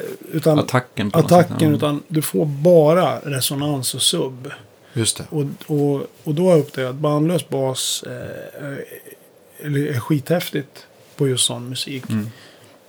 Många, många på något sätt har den här fördomen att bandlös bas det är liksom 80-tal och stallmick och glissandon och bara för att man inte kan intonera så kör man liksom såna här grejer och Mm. melodier över till bandet. Det är inte sånt jag håller på med när jag spelar bandlös bas utan jag försöker mer hitta någon sorts kontrabas.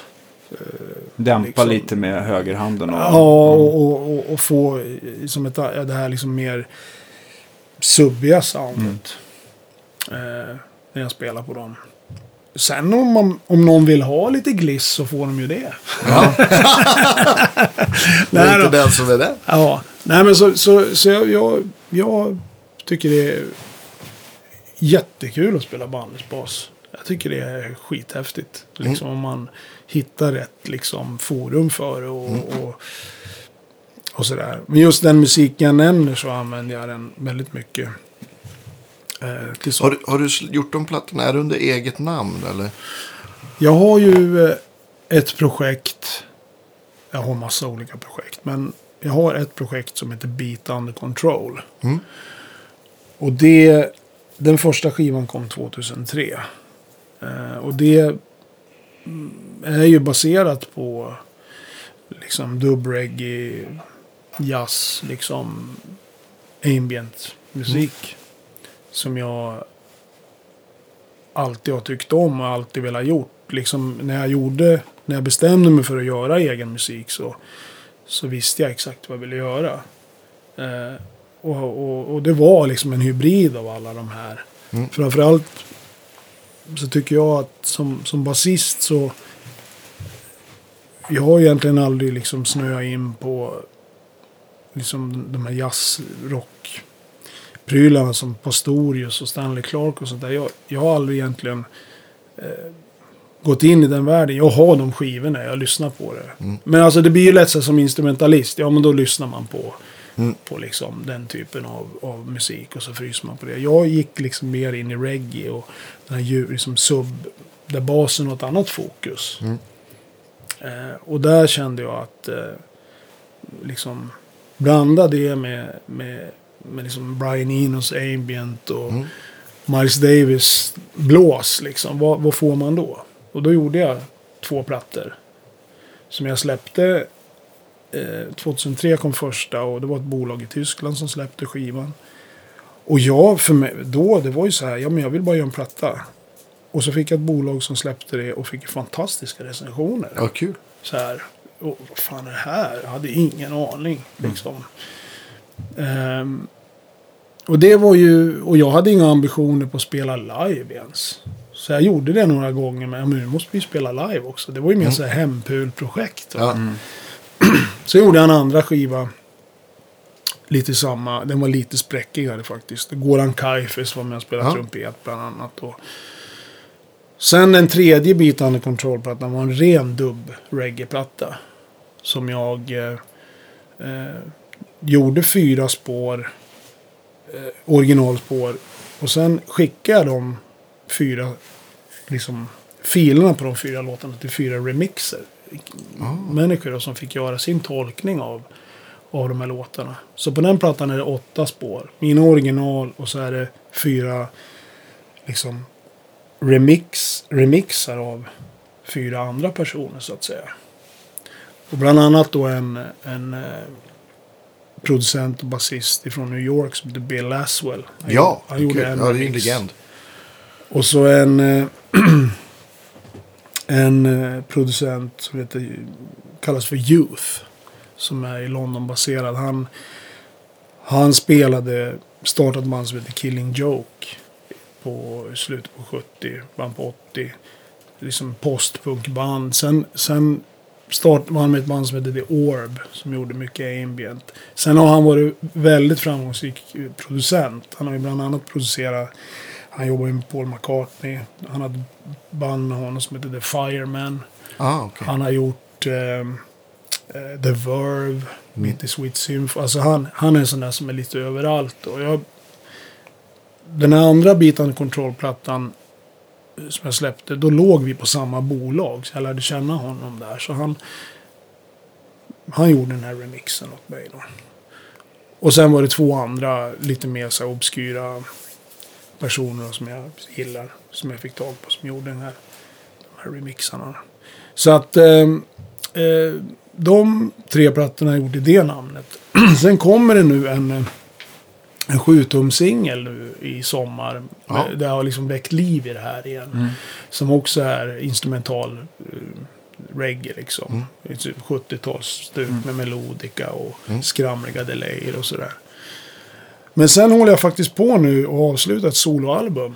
Okej, vad Med, kul. ba, med bara, bara bas. Alltså Ja. det, det är ett renodlat eh, basalbum. Eh, och det kommer ifrån att jag eh, för fyra år sedan, eller kanske fem år sedan, när jag bestämde mig för att fan, jag ska bara spela sol. Liksom, Den ultimata utmaningen det är att gå upp på scen alldeles själv. Och inte veta vad man ska göra. Det var liksom hela idén. Jag, jag måste skaka om mig själv. När man Ja. spelar refräng, vers, refräng, stick. Liksom måste göra något nytt. Eh, så att eh, jag såg en gitarrist som heter Stian Westerhus. Okej. En, en norsk gitarrist. Eh, som spelar på, på eh, Kulturhuset i Stockholm. jag tycker det kommer fantastisk musik från Norge. Alltså just den här Ja, experiment, ex, experimentella. Ja, även Ja, de liksom, ligger verkligen i framkant. Ja, men och just den experimentella musiken och även liksom rockabilly och, Ja. och, och liksom hela den. De, Ja, de, fram, tänker jag framförallt blues-svängen Ja. har de varit Ja. duktiga på länge. Precis. Ja, blues och, och Mm. liksom även rockabilly. Alltså, de har ju en, alltså, det finns hur många bluesföreningar som helst i Norge. Det finns över, jag tror det finns hundratals. Ja, jag, jag läste någonting om det var 250 eller Ja, någonting. Exakt. Ja. Precis. Nej, men så, och, och just den här experimentella musiken. Jag, jag har alltid liksom... Ja, jag har, jag har gillat fri musik i Mm. alla år. Jag, jag tycker liksom... Som ambient och, och dubb och, och, och fri jazz till exempel. Det är liksom musik som är ganska ändlös. Det finns, det, den pågår bara. Man kan inte liksom så här... Man får bestämma själv när det är bra. Det är ingen annan som, som Nej. gör åt den. När du skriver en poplåt så är det ju så här, det är ett format. Den är Ja, ju exakt. gjord för att du ska tycka om det. Ja. ska tryckas in i huvudet. Mm. Men musik som du får tugga lite på. Liksom. Det måste Mm. finnas ett tuggmotstånd. Där du själv så här. Ja men vad fan. Eh, det tar lite tid det här. Men ja, det är som med var som helst. Böcker, mat, allt. Man måste ju på något sätt få hålla på ett tag innan det går Mm. in. Ja, men visst. Och jag har alltid dragits till, till den typen av uttryck. Sådär. Men, men just då, i Norge så tycker jag att det finns en fantastisk scen. Och Stian spelade med en trumpetare som heter Nils Petter Molvar. Ja, stor favorit. Ja, han han är fantastisk. Och, och jag såg, Är det han som spelar i, i Nils Petter Mollers band nu? Inte nu, Stian hoppade av. Nu är det ju han eh, som är så fantastisk. Som är- spelar stil också? Ja, han, eh, åh, nu står det still. Han heter, vi kan ta in det, kanske klippa in det sen. Ja, Han heter um, Geir Sundstöl. just det. Ja, han är med nu. Precis. Han är ju en fantastisk eh, gitarr- Honom skulle ni ha här. Ja, visst. Absolut. Han, han är super, super. Jag kommer, att tänka, jag kommer att tänka på han Knut Reiersrud. Ja, Ja, visst. Ja. precis. Han är också, honom har jag faktiskt spelat med en gång, nå- eh, några gånger på 90-talet. Ja. Eh, han gjorde ju otroligt coola plattor, eh, minns jag. Men just eh, Stian Westerhus, han, han gick upp kult, Kulturhuset liksom med en vägg av förstärkare och effekter och så bara gasade han. Och så kände jag, fan det här ska man göra med bas. Ja, Så att, men han, St- Stians plattor, det är väldigt fritt och jävligt noisigt och, och liksom stökigt nästan hela tiden. Han, han spelar mycket med stråke och det finns ju element i det som... Alltså vad jag ville göra när jag kände fan det här ska man göra på bas. Det är liksom att man bygger upp ambienta ljudvärden med looppedaler. Mm. Men att det ändå finns en puls i musiken. Liksom. Så att jag gjorde min första spelning i Gävle på Gävle Teater. och det är liksom... Hur ska jag... Jag, jag bara kände att jag går upp med ett helt blankt papper. Så att det blanka pappret var att jag skrev ner hur jag skrev vad jag skulle spela. Så här, ambient, intro, ja. växa in i liksom att jag... Alltså jag eh, eh, på något sätt hade... Som ett manus? Ja, och så tittade jag på det medan jag spelade. Och så hade jag de här jävla arsenalen av pedaler. Och utifrån det, och gjorde kanske fem spelningar, så kom det ju upp material som jag repeterade. Naturligtvis eftersom, om det där var cool, det där, man, jag liksom började spela. Och så helt plötsligt så hade jag material som jag nu gör en platta på. Ja, vad coolt. Som bara ko- kom upp medan jag spelade. som, som jag då har raffinerat och, och gjort liksom, eh, vad ska jag säga, ja. De temana jag kom upp med har jag använt men sen, det, så här, ganska impulsivt. Men sen har jag då hittat och, och så att säga arrat upp det här. Så att det bygger ju på, på, på bas och, och soundscapes. Mm. Liksom ba, och Ja, så coolt. bygger jag rytmer kring olika pedaler och så att det ändå känns, det finns en elektronisk känsla i det.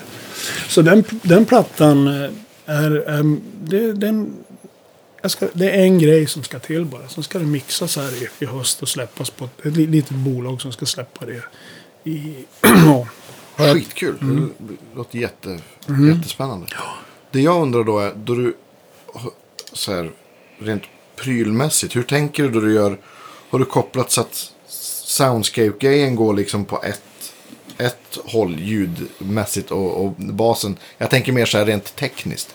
Har du skilt på det på något vis? Eller hur, hur, vad har du för upplägg? Rent... Nej, jag, jag, jag bara kör. Ja, Ja. Perfekt. Nej, jag har liksom förstärkarna. Oftast så har jag haft två stycken, eller om det funnits plats då, två feta SVT-riggar. Och sen har jag bara kört det liksom i en, i en kedja.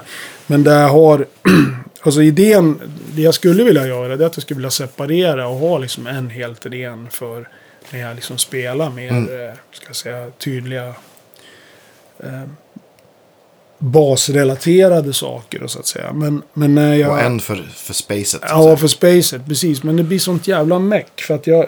Nu, nu har jag... Jag, jag har två looppedaler. En som jag har för liksom... För jag har inte hittat den här looppedalen än. Det kanske finns, men om man till exempel har en sån här looppedal med tre olika, så att säga, vad kallas det kanaler. Mm. Så är det ju ofta så att den första loopen sätter ju liksom takt. Liksom, ska du bygga på någonting på nästa, då, då är den liksom, så att säga, i eh, styrd av det första du har gjort. Ja. Förstår du vad jag menar? Ja. Har du gjort en åttatakters loop till exempel. Då liksom är ju den andra du trycker igång blir beroende av längden på den första. Ja, Därför har jag två stycken. så att det ska kunna överlappa. Ja, men så jag har en som då är fri liksom. Som bara är helt lo- loose. Och sen har jag en som jag liksom kanske, kanske loopar en. Som ska simulera ett, ett beat då. Så att, så att de är helt så att säga independent. Alltså de är oberoende av varandra. Jag vet inte om ni förstår vad jag menar. Jo, Men går de fattar. parallellt eller, eller har du dem eh, seriekopplade efter varandra? Ja, de, de ligger bredvid varandra. Så jag får, då får jag liksom tänka på vilken jag trycker på så att den loopar. Liksom Loopa loopen. exakt. Ja. Så det är lite mäckigt. Men, Ja. men det ska ju vara lite utmaning också. Ja. Va, vad kör du för loop-pedal då? Då kör jag, jag kör de här enklaste faktiskt. Jag testar runt lite, men det är de här TC-pedalerna. Ditto-varianterna. Ja, Ja. det. De tycker jag är liksom enkla och... Vilken variant? Det finns ju. Jag har, jag har två då. Då Ja. har jag först den minsta Ja. som jag kör. Eh, ja. Sen är det den, eh, den här andra, gång, heter den gång... Gånger fyra. nej, inte Nej, den, den är utan den, den, den, den, liksom som är lite steget över den här mindre. Ja, just det. Den är stor som en M. Är det sån som är två, att den har två knappar på sig? Ja, det, det, skillnaden är att du kan reversa liksom, Ah, eh, det. ljud och sånt där. Men jag hade lika gärna kunnat haft en till sån där liten. Mm. Det var bara att ja, men jag köpte den där. Och de, eh, ja, så att de gör lite samma sak. Mm. Men för att jag testade en sån här Boss eh, Loopstation. Den var alldeles för bökig. Jag känner att jag vill bara trycka på. Jag vet att det loopar. Och så stänga av. Mm, Liksom. jag har inte, känner att jag har inte lust med någon manual. Men, men kör du klangeffekter innan då för att kunna... Ja, jag kör ju alltid looppedalerna sist. Ja, Så att då har jag ju bero... Ibland sätter jag bara ihop ett, ett eh, liksom... Jag har ett bord med bara liksom experimenteffekter som jag ja. säger då. Vad sitter det på det då? Då har jag en, en whammy-pedal. Mm. Eh, som jag använder. Eh, till exempel om jag loopar någon, en, en, eh, eh, ett parti till exempel. Då har jag en så jag kan gå upp en oktav. Så att, för att blir det bara basfrekvenser så kan det bli ganska enerverande i längden. Så att då har jag den så jag kan gå upp och, och liksom spela med som stråk. Melodier då liksom. Eller tänk att jag med drå, höga drånar och sånt där. Som jag loopar då. Eh, och sen har jag en, eh, en eh, pedal som ett företag som heter Red Panda gör. Som Okej. heter Particle. Som är en... Eh, vad fan kallas det då? Det är någon form av delay. Det är en speciell... Den liksom trasar sönder ljudet på ett så här... Det är så här väldigt random. Ah, okej. Den där delayen kallas för något. Just den Ja, där typen av gör delay. inte, gör inte Boss någon sån där typ av slicer också? En slicer har jag också. Det var Ja, det jag skulle ja. komma till. Men den här particle, den, den, den granular. Gran, Granular. granular delay heter det. Det, det, det, det, är liksom att den, den liksom, när man slår på den så delar den liksom upp ljudet i, i liksom små partier. Ja, det är därför den heter particle. Så att det liksom, det liksom är väldigt så här... eh, ah, Det är olika från varje gång. Ja. Den har ju väldigt mycket parametrar. Jag har inte rattat tillräckligt mycket på den. Men jag hittar ett läge som gör att det bara... Eh, att den liksom... Eh, så att säga... Vad ska man säga? Alltså den jobbar inte som en delay i, i tempo. Utan att den, den liksom på något sätt trasar sönder ljudet. Och så kör man igenom ett reverb sen och så här reverse-pedaler så blir det liksom wow, fan Ja. vad cool. Så har jag en, eh, en, eh, en pedal som heter Space Station. Som Digitech gjorde för Just många, det. många herrans år sedan. Där jag använder lite sådana här reverse delayer och den har ju presets. Den är ganska gammal men den är jävligt cool. För den, den, den gör det som jag vi- vill att den ska göra. Problemet är att det går inte att få tag på dem längre. Så jag måste nog köpa ett par till om den skulle gå sönder. För den är lite kärnan i hela det här. Får passa på nu innan vi sänder podden då. Ja, det, du har en månad på dig ungefär. Nej men som sån har jag. Och sen, och sen har jag en slicer då. Som, det, som jag, det är ju som en avancerad tremolo med patterns i. Så Just att säga. Så i den så, så bygger jag. Där bygger jag pulser och rytmer liksom. Att jag bara slår an en sträng och dämpar. Så, och så loopar jag det. Ja.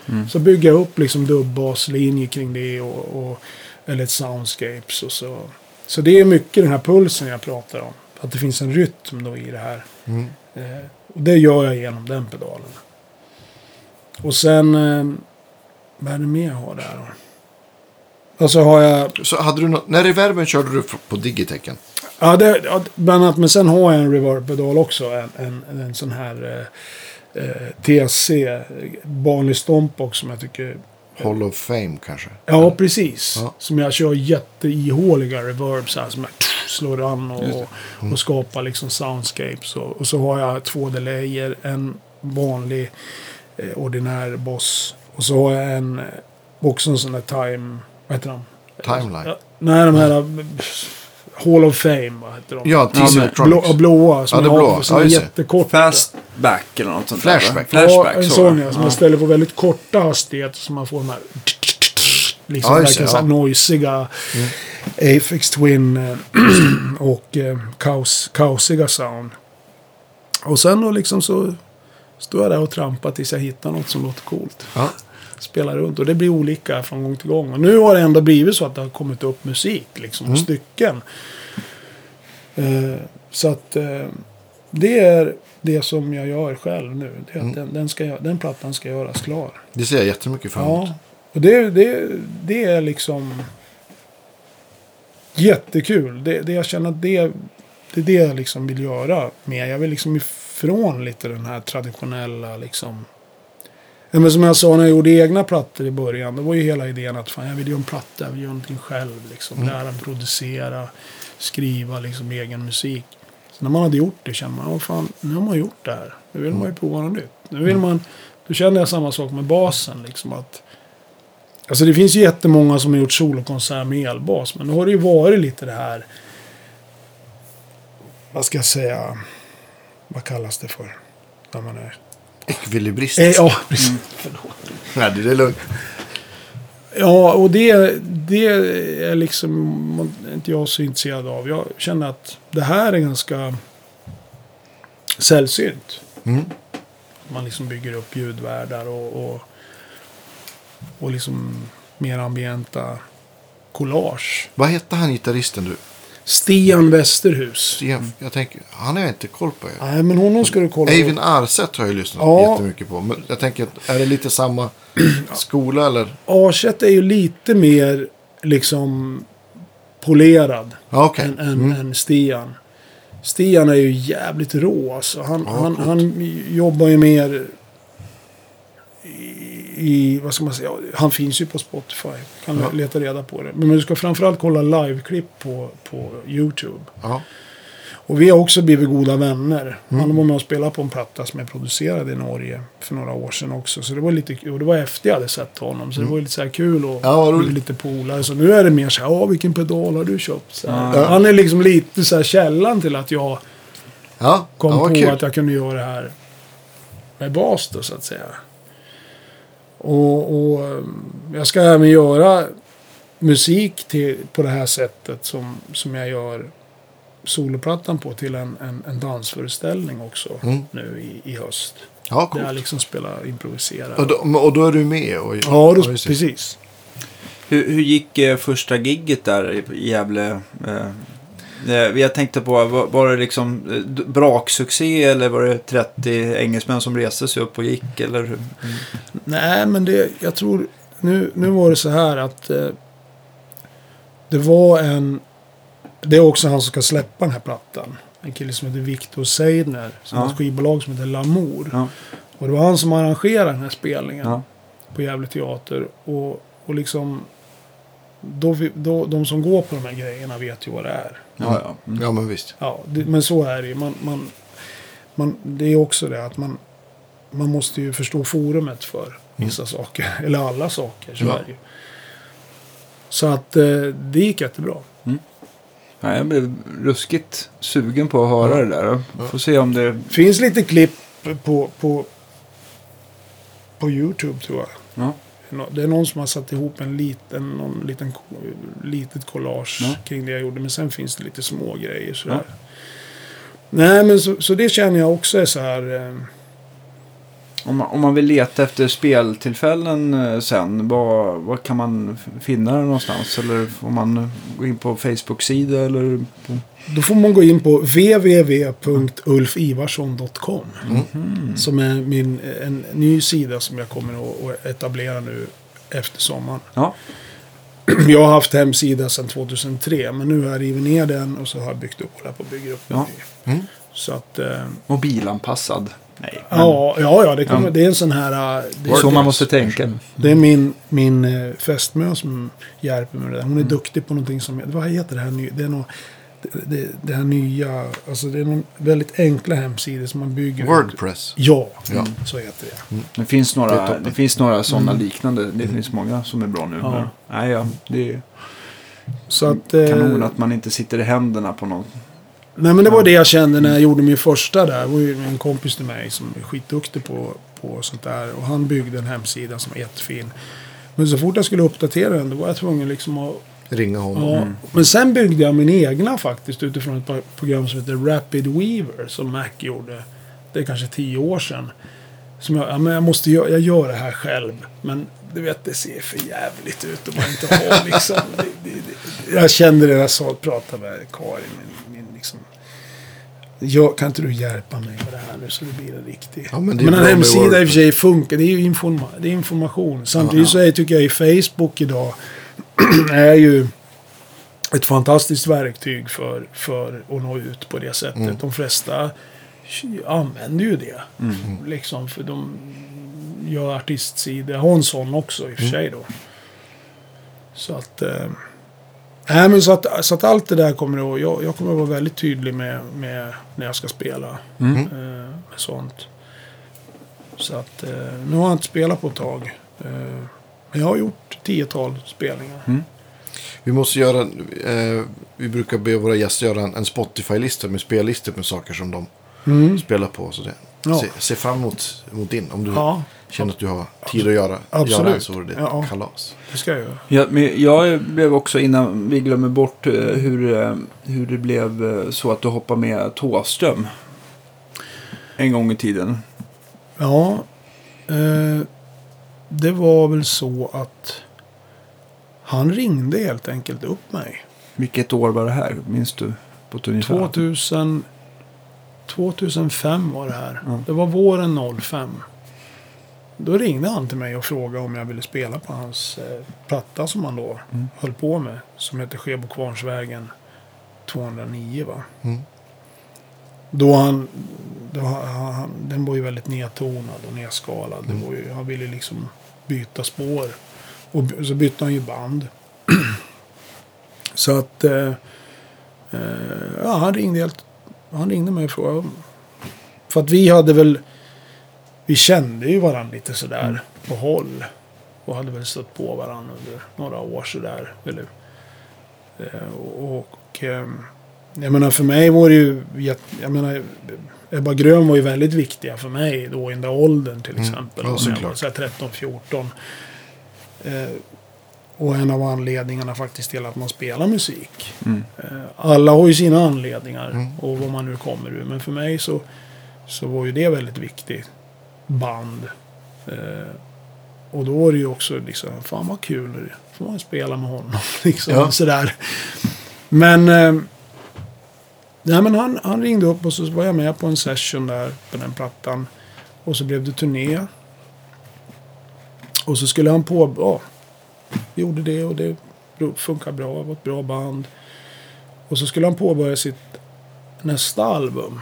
Eh, som vi var nere, vi var nere i Berlin bland annat och spelade in. Och, och han höll på med det där. Och så till slut så ringer han till mig och, och ja men fan, ska inte vi göra nästa platta ihop liksom?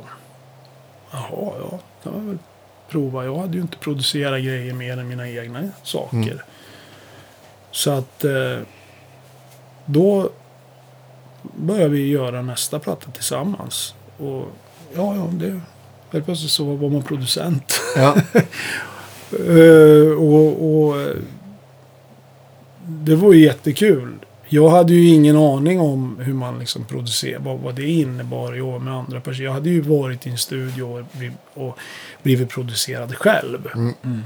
Eh, och, då, och sådär. Men helt plötsligt så, så var det jag som skulle ta beslut. Eh, men det var liksom aldrig något problem. Det har aldrig varit något problem. För att vi kommer liksom lite från samma värld och samma språk. Och, eh, så att jag gjorde den skivan Kärleken för dem. Och det var ju så här. Och det är det jag menar. Det var det som var, le- eller menar, men det som är så. All, allt man gör på något sätt kan ju leda till något annat. Mm. Och för mig var ju det, när jag började göra min egen musik.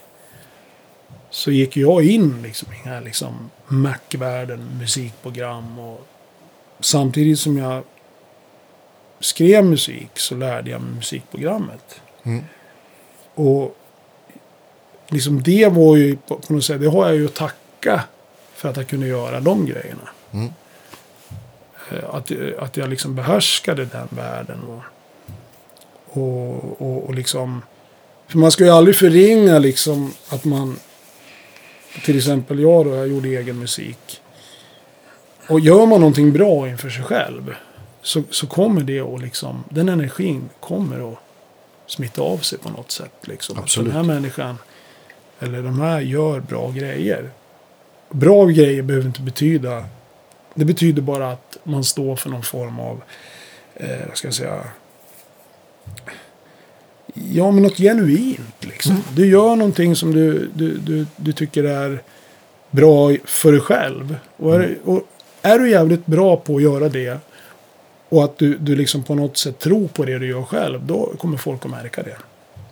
Det tror jag också. Alltså det, det, är, det är så det fungerar. Man kan låtsas och hålla på och liksom lira, lira liksom leka att man, att man är bra på någonting och, och så vidare. Men jag tror att det genomskådar folk. Jag tror att liksom gör man bara någonting som fan och att man behärskar det utifrån ett hjärta. Mm.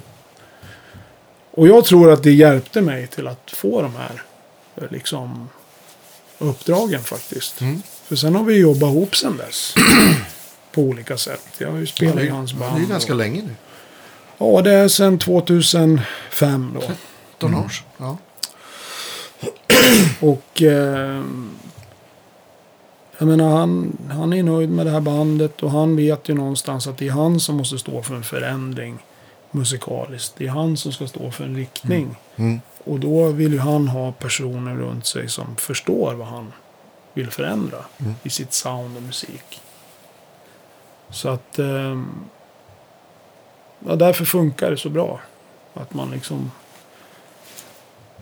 Att man på något sätt har... Ja, man går in 100% i, i... Och det ska man väl göra jämt. Men just det, frå, på, alltså, Ja. svar på frågan då. Ja. Man har spelat länge. Men, men eh, när ni är ute och spelar live med Thåström, är det, är det mycket av det, liksom det nya materialet då från när du kom med 2005? Eller blir det en hel del av det gamla han gjort? Ja, Det är ju alltså... Eh, framförallt så vi, fokuserar man ju på det senaste Ja. han har spelat in. Eftersom han... Han turnerar ju bara när han släpper skivor. Ja. Alltså han åker inte runt och spelar eh, liksom nostalgi. Ebba Grön. Nej. Och så, utan han, han vill ju presentera något nytt. Mm. Och inför varje ny platta så... Det är ju det som är fokus. Men sen det gamla materialet som vi letar fram eller som han kommer med förslag och som vi, vi stångas med det tillsammans i, när vi repar. Det måste ju på något sätt eh, lira med det här nya. Mm. Ja. Att det finns en röd tråd. Och liksom framförallt så tror jag att det är väldigt viktigt för honom att att texterna ska kunna liksom kännas trovärdiga och sjunga. Alltså det går ju inte att gå upp och sjunga Ung och kåt när man är 61. Eller Nej, men visst. Och, Det, det, alltså för, det, bara för att man vill bju, bjuda på någon sorts publik på, på något, någon liksom nostalgiflört. Han är inte inne på det. Utan Nej.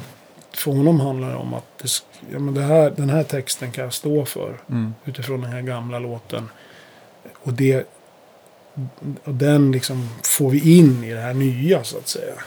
Och ibland så är man ju om också låtar väldigt hårt för att det ska inte ska spreta för mycket och att det ska sitta ihop med det nya soundet. Mm. Så att det finns liksom en homogen. vilka är ni som är med i orkestern i dagsläget?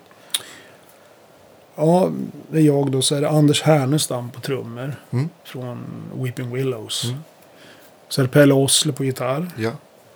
Eh, en kille som heter Micke Nilsén på syntar. Och så är det Niklas Hellberg som spelar piano och syntar. Eh, det, och han har ju spelat med Joakim jättelänge. Mm. Eh, liksom way back. Och även han producerat Just det. plattor med, med, med, med Joakim. Då. Så det är vi, vi är fem musiker. Mm. Och det är ju samma liksom band. Som, I alla fall sedan 2010 tror jag nu. Mm. Är det något nytt på gång där eller är det hemligstämplat? Eller? Nej, alltså han släppte ju en, en... Vi turnerade ju höstas då på den sista skivan. Ja. som kom då. Sen nu är vi ju, vi hade eh, sommarpremiär i Bergen. Eh, var det väl sex, vänta, 14, 14 juni. Mm. 15. 14 ju i Bergen och så spelar vi 15 i Oslo. Mm. Sen har vi nästa spelning då eh, eh, 7 juli på Peace and Love i Borlänge. Sen är det liksom sommaren då så att säga. Juli, augusti. Mm. Festivaler. Mm.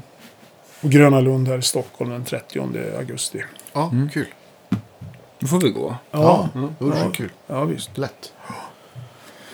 Ja, så att, och sen lite Roffe Wikström på det. Och Mm. Ska jag spela med en, eh, med en stor folkmusikensemble som heter Magnus Stinnebom och Västanå Orchestra. Som, Ah, som spelar, eh, gör två årliga konserter uppe i Sunne Mm. varje år i Värmland. I den här berättarladan där. Mm. Jättefin. Och då, då bjuder han in gäster. Eh, det har varit allt ifrån Ale Möller, eh, alltså folkmusiker då, Lasse Englund, Marie Bergman. Eh, nu vet jag inte vilka gäster det blir i år, men, men Money Brother har varit med. Eh, ja, vi har kört det. Det här blir fjärde året.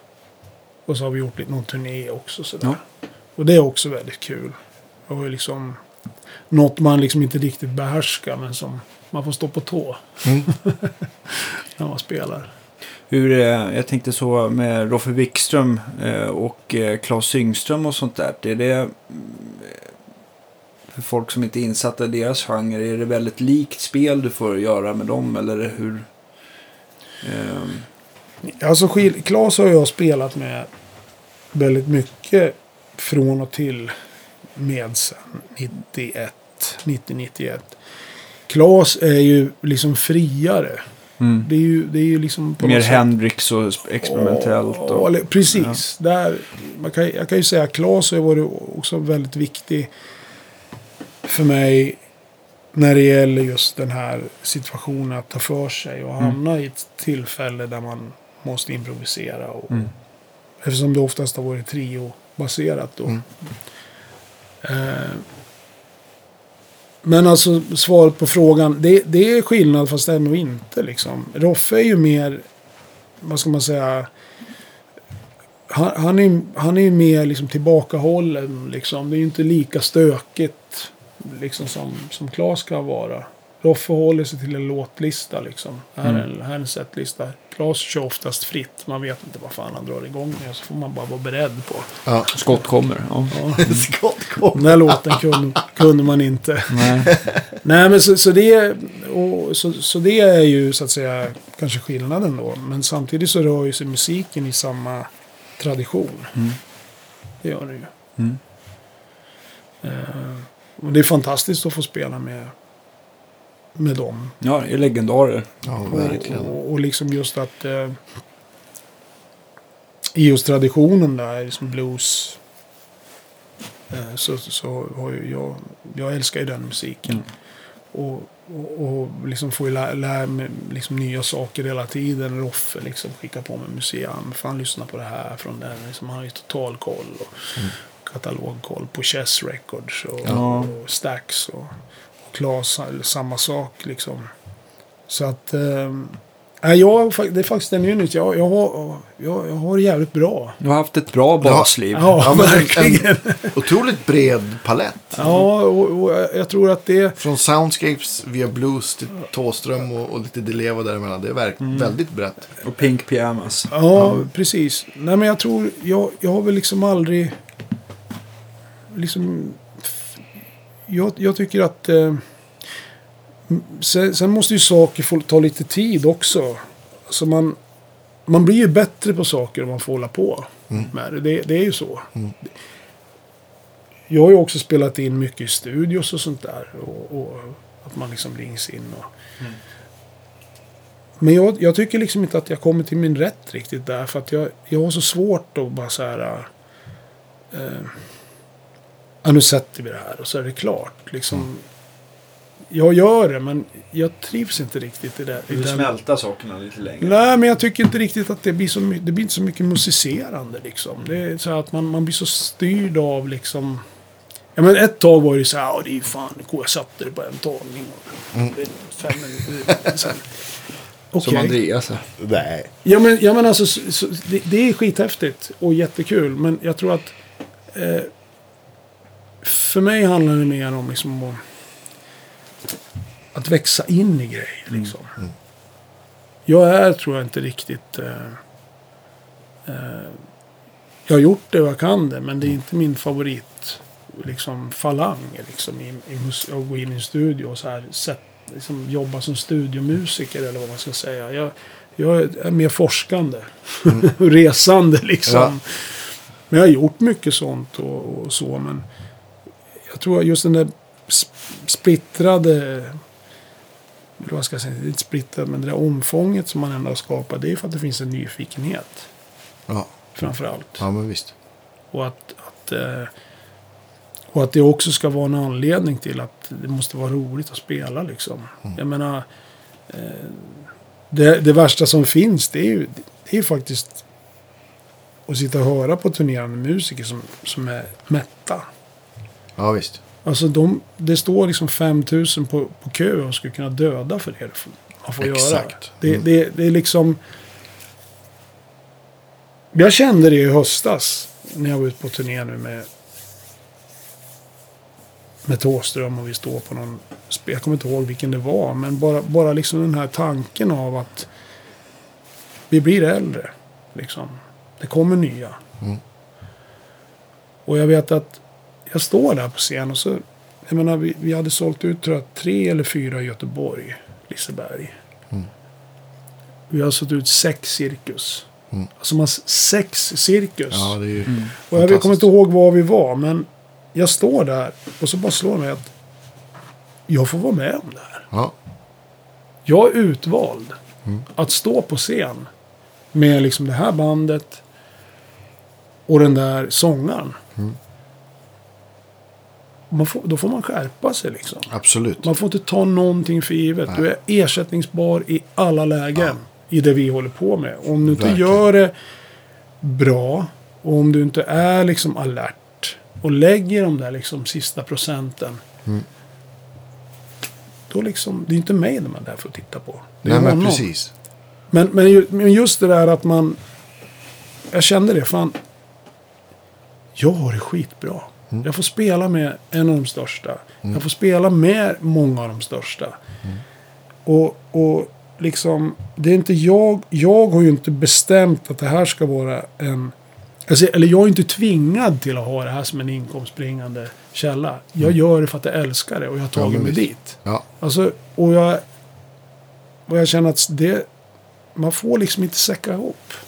Men man får inte tappa brinnet. Jag, jag, Nej. jag kan också få spade på då, ja, men en viss, jag brukar kalla det så här frilansklagandet. Många folk bara, de klagar för att jag tror att de tycker att det är tufft. Så, ja men vad kul att du är ute med bla bla bla. Ja, du vet, fast det är ju ofta åker vi dagen innan. Så de hittar liksom alla saker de kan klaga på istället för att nej fan, vi har vilket bra gäng, vi ska göra 20, 20 gig här och så här. Så, så är liksom fokus bara på Nej, du vet, hen är ju lite konstig. Och, ah, man får, ju- det är ju sådär, men ja, ja, du vet. Man får ju fakturera. Och du säger, vad fan. Men jag tänker väl Jag- också jag- att då, då måste man vara i en sån situation att man inte gör det riktigt man helst vill göra va? Alltså om det nu, man Ja. kanske vill spela tänker jag, men det kanske är, man hamnar i någon frilansskiss där man liksom, det blir mer, Ja, mer men- jobb än... Nej, fast de som, de som är så här, ja, de, de känns mer som att de känner att de är fräna då de så här, klagar på saker och förminskar liksom människor de jobbar med på något vis. Jag vet inte. Nej. Lite jante Ja, någonstans. Ja, eller, ja, jag vet eller Fan. kanske Nu, blir jag det. klag, nu klagar jag på dem här, så jag är Nej, men bättre. Men, alltså det- men jag gillar inte den attityden liksom. Jag gillar liksom, fan, Nej men alltså, det det, sprider ingen bra stämning. jag tror att det, det där går ju också i skov liksom. Eh, Man, som fan, jag, jag utgår bara från, ja jag har hållit på så här länge. Se se så här länge, här är jag just nu. Och, och man är ju fortfarande med för att man förmodligen gör någonting jävligt bra. och att man fortfarande sänder ut en energi av att man, Ja, man har kvar brinnet och vill att man har en, ett engagemang liksom. Och det betyder ju inte, tycker, tycker jag, eller jag tror inte det liksom, det ska du bara ha i grunden. Det, det har du liksom inmonterat i systemet oavsett vad du gör. Jag tror att man kan bli jävligt missnöjd. Alltså, och det handlar ju naturligtvis också mycket om, har du en bra chef? Mm. Som då är upphovsmannen. Den du Precis. spelar för. Om den personen är bra. Då mår du bra. Om du, du får bra betalt. Allting är fixat. Det är liksom inga gråzoner någonstans. Då finns det ingenting att klaga på. Men det där kan också uppstå någon dålig kommunikation med den som faktiskt är din chef. Och det är den som står där och sjunger. Eller hon. Och, och har man inte liksom den kommunikationen eh, tillräckligt, liksom, då blir det lätt att klaga. Men då får man ju faktiskt rannsaka sig själv och då ska jag inte vara här. Nej. Då kanske det finns någon annan som är bättre på att göra det här just där än vad jag är. Så det, och, och samtidigt så är det ju så, hur många basister finns det i Sverige liksom? Som, och elitarister, alltså hur många per capita, hur många akter är ute som spe, och spelar? Och hur många musiker finns det? Det dräller ju av musiker. Ja.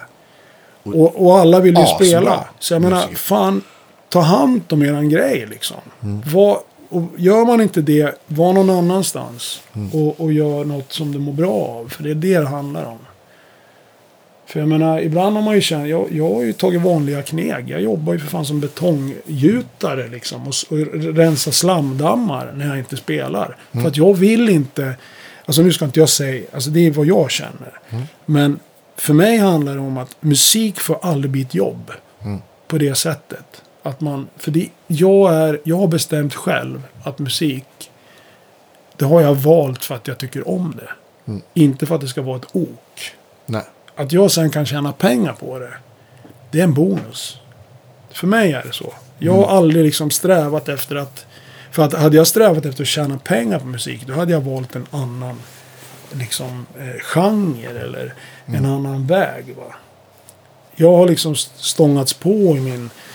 Det, det jag tycker om att vara.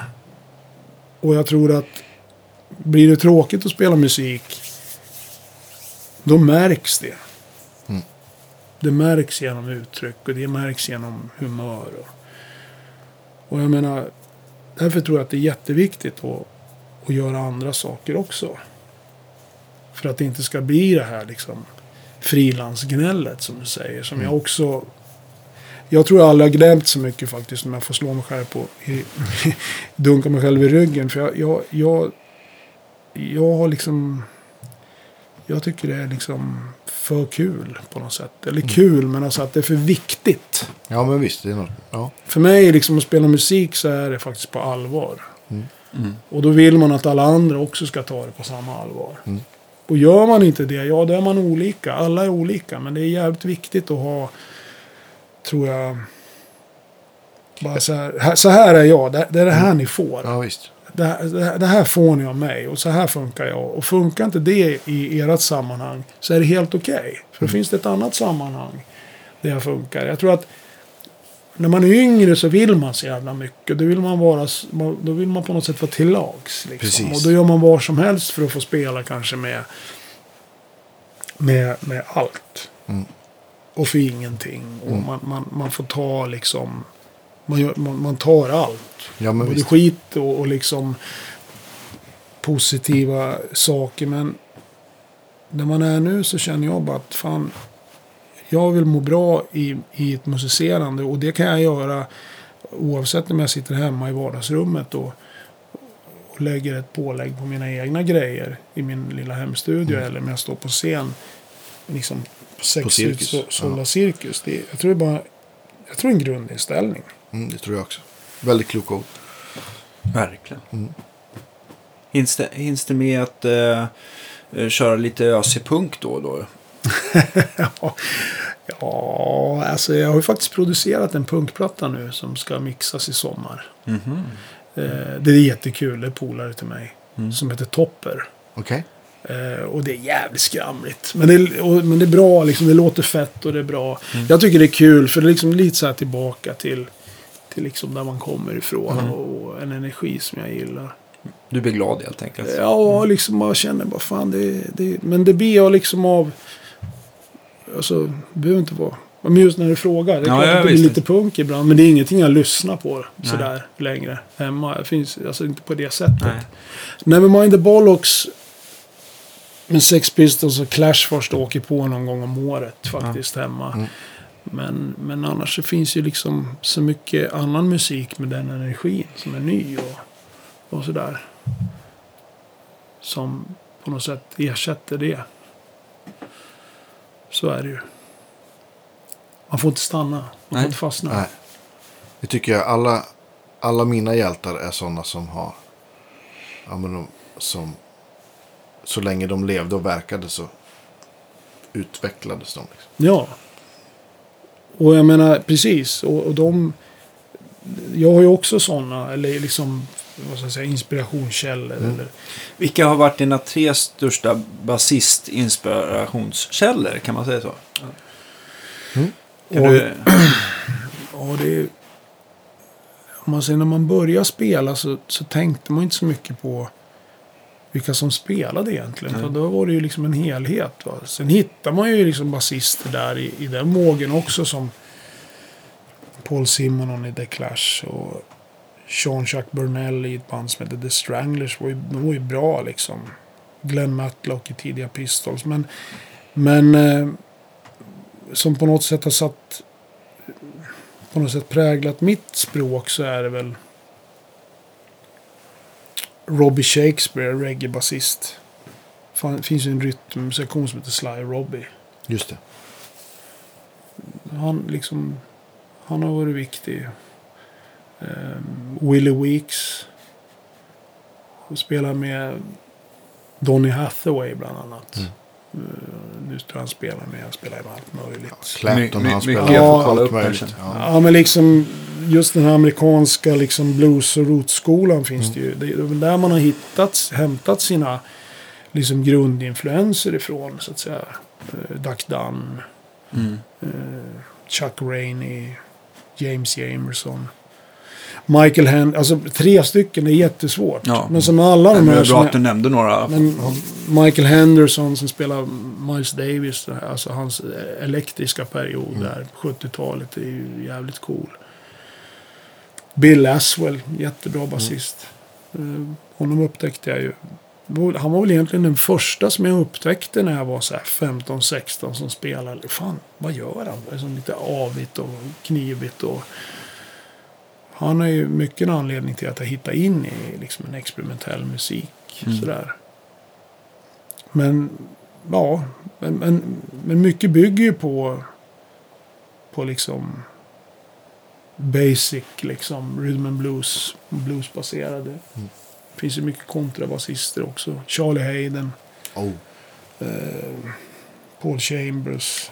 Eh, såg Ron Carter i New York nu till exempel. Han, Blue Note. Han firade sin 81-årsdag med sex spelningar på raken. Ja, fantastiskt. ja, Det är, så man, det är så man vill vara. ja. ja, men liksom för mig är musik bara, det är färger. Det kan vara liksom...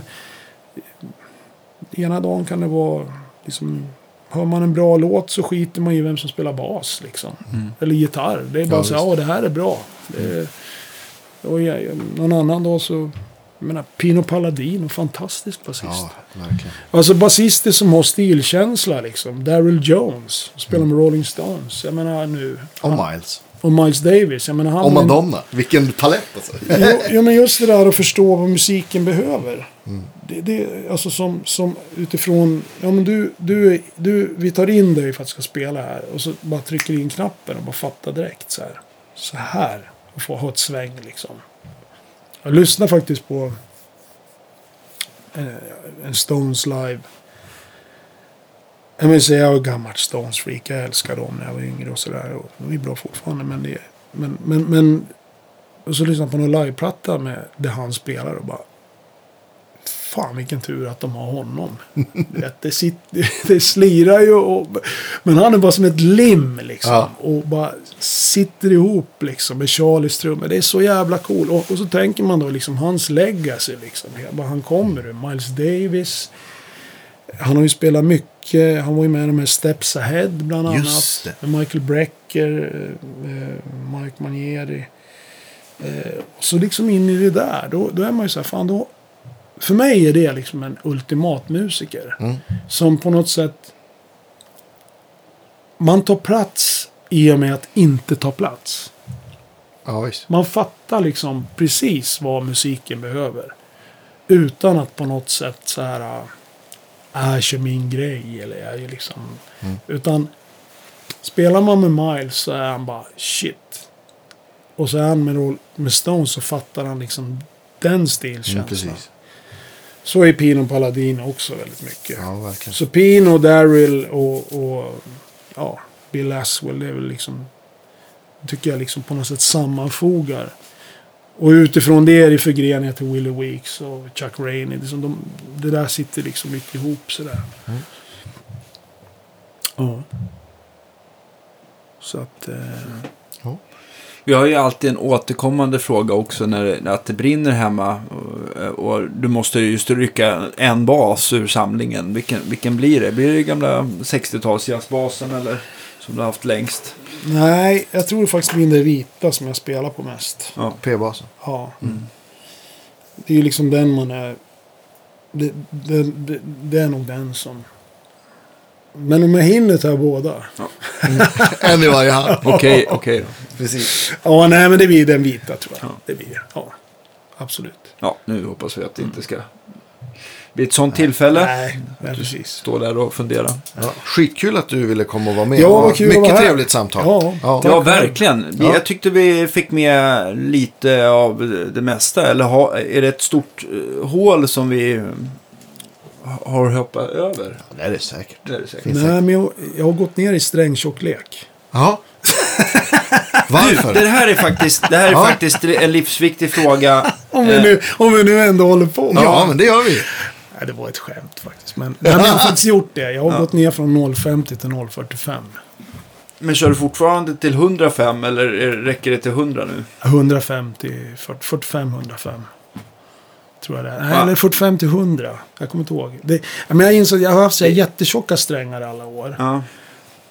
Och så, och så kände jag liksom, det är också någonting man jag måste testa. Och, det var roligare att spela. Det är ju liksom den vanligaste tjockleken i 045. Och jag har tänkt att det här måste vara rejält och stort. Men helt plötsligt så bara basen kring. Liksom, det vart mer, det, det vart liksom, jag ska inte säga att det vart enklare att spela, men det vart en annan, basen lät, bör, det började låta bättre. I allt liksom på något sätt. Tycker det oftast brukar bli lite bättre, bättre diskant och att det låter eh, mindre o- oigt brukar det nästan bli av tjockare. Exakt. Så, att det blir så här, eh, Det, man tror ju då liksom att, ja men jag kände så här, ja, för jag har alltid så här spelat på, på, jag vet inte, det var på 90-talet, alltså fan, skulle jag köpa ett strängset för jag hade, hade inga, då hade, ja, jag har 050 här. Något, och så blev det bara att jag använde det. Och så tyckte man, ja men det är bra för då kan man klappa på mer och liksom. För jag spelar ju både med plektrum och fingrar. Jag alternerar ju det ganska mycket sådär. Och, och det är också så här till exempel, och då, då har man tänkt att ja, men då är det liksom den ultimata vägen att gå och ha tjocka strängar liksom. Men eh, så nu bytte jag bara, fan det vart ju andra instrument. Det vart ju liksom helt mycket. Det var liksom som att det öppnade. Vart liksom, kul. Ja, ja. Så spela, gå- nu får ni gå ned i tjocklek där ute. Kör du, du kör, kör du slipat också? På, ja, på din bandlösa hade du slipat också. ja jag, det, det alternerar lite. Men jag, jag har två... Jag har ju ja, nu har en jävla massa P-baser. Men liksom grund... Eh, jag har ju två P-baser med slipade strängar och så har jag två med oslipade. Så Ja. det beror alldeles på vad man- gör. Och det är det Ja, som är så... Som nu när man har spelat med Thåström. Så är det ju mycket sträng och mycket dist liksom. Ja. Plektrum. Ja, ju- men det tänkte jag på. Mm. Om, vad har du, då du spelar med Thåström, vad kör du, har du något pedalbord då också? Ja, jag har ju lite olika pedalbord. Så Men med honom så, så har jag eh, oftast en, en dist. Jag har ett ljud liksom hela kvällen. Och, även, Ja. då, och det funkar även när jag spelar liksom lugnare låtar och sånt Ja. där. Så då har jag en, en, en, en Sunsamp VT Bass heter den. Mm, Just det, ja. Som jag det är har, bra. har väldigt bra. Den har jag använt i nästan alla år. med Är inte den ganska trevlig också att köra direktinspelning inne i ljudkortet? Aldrig eller, provat det. Eller det kanske är någon av de andra, men de är rätt kända för det sen Sampa. Ja.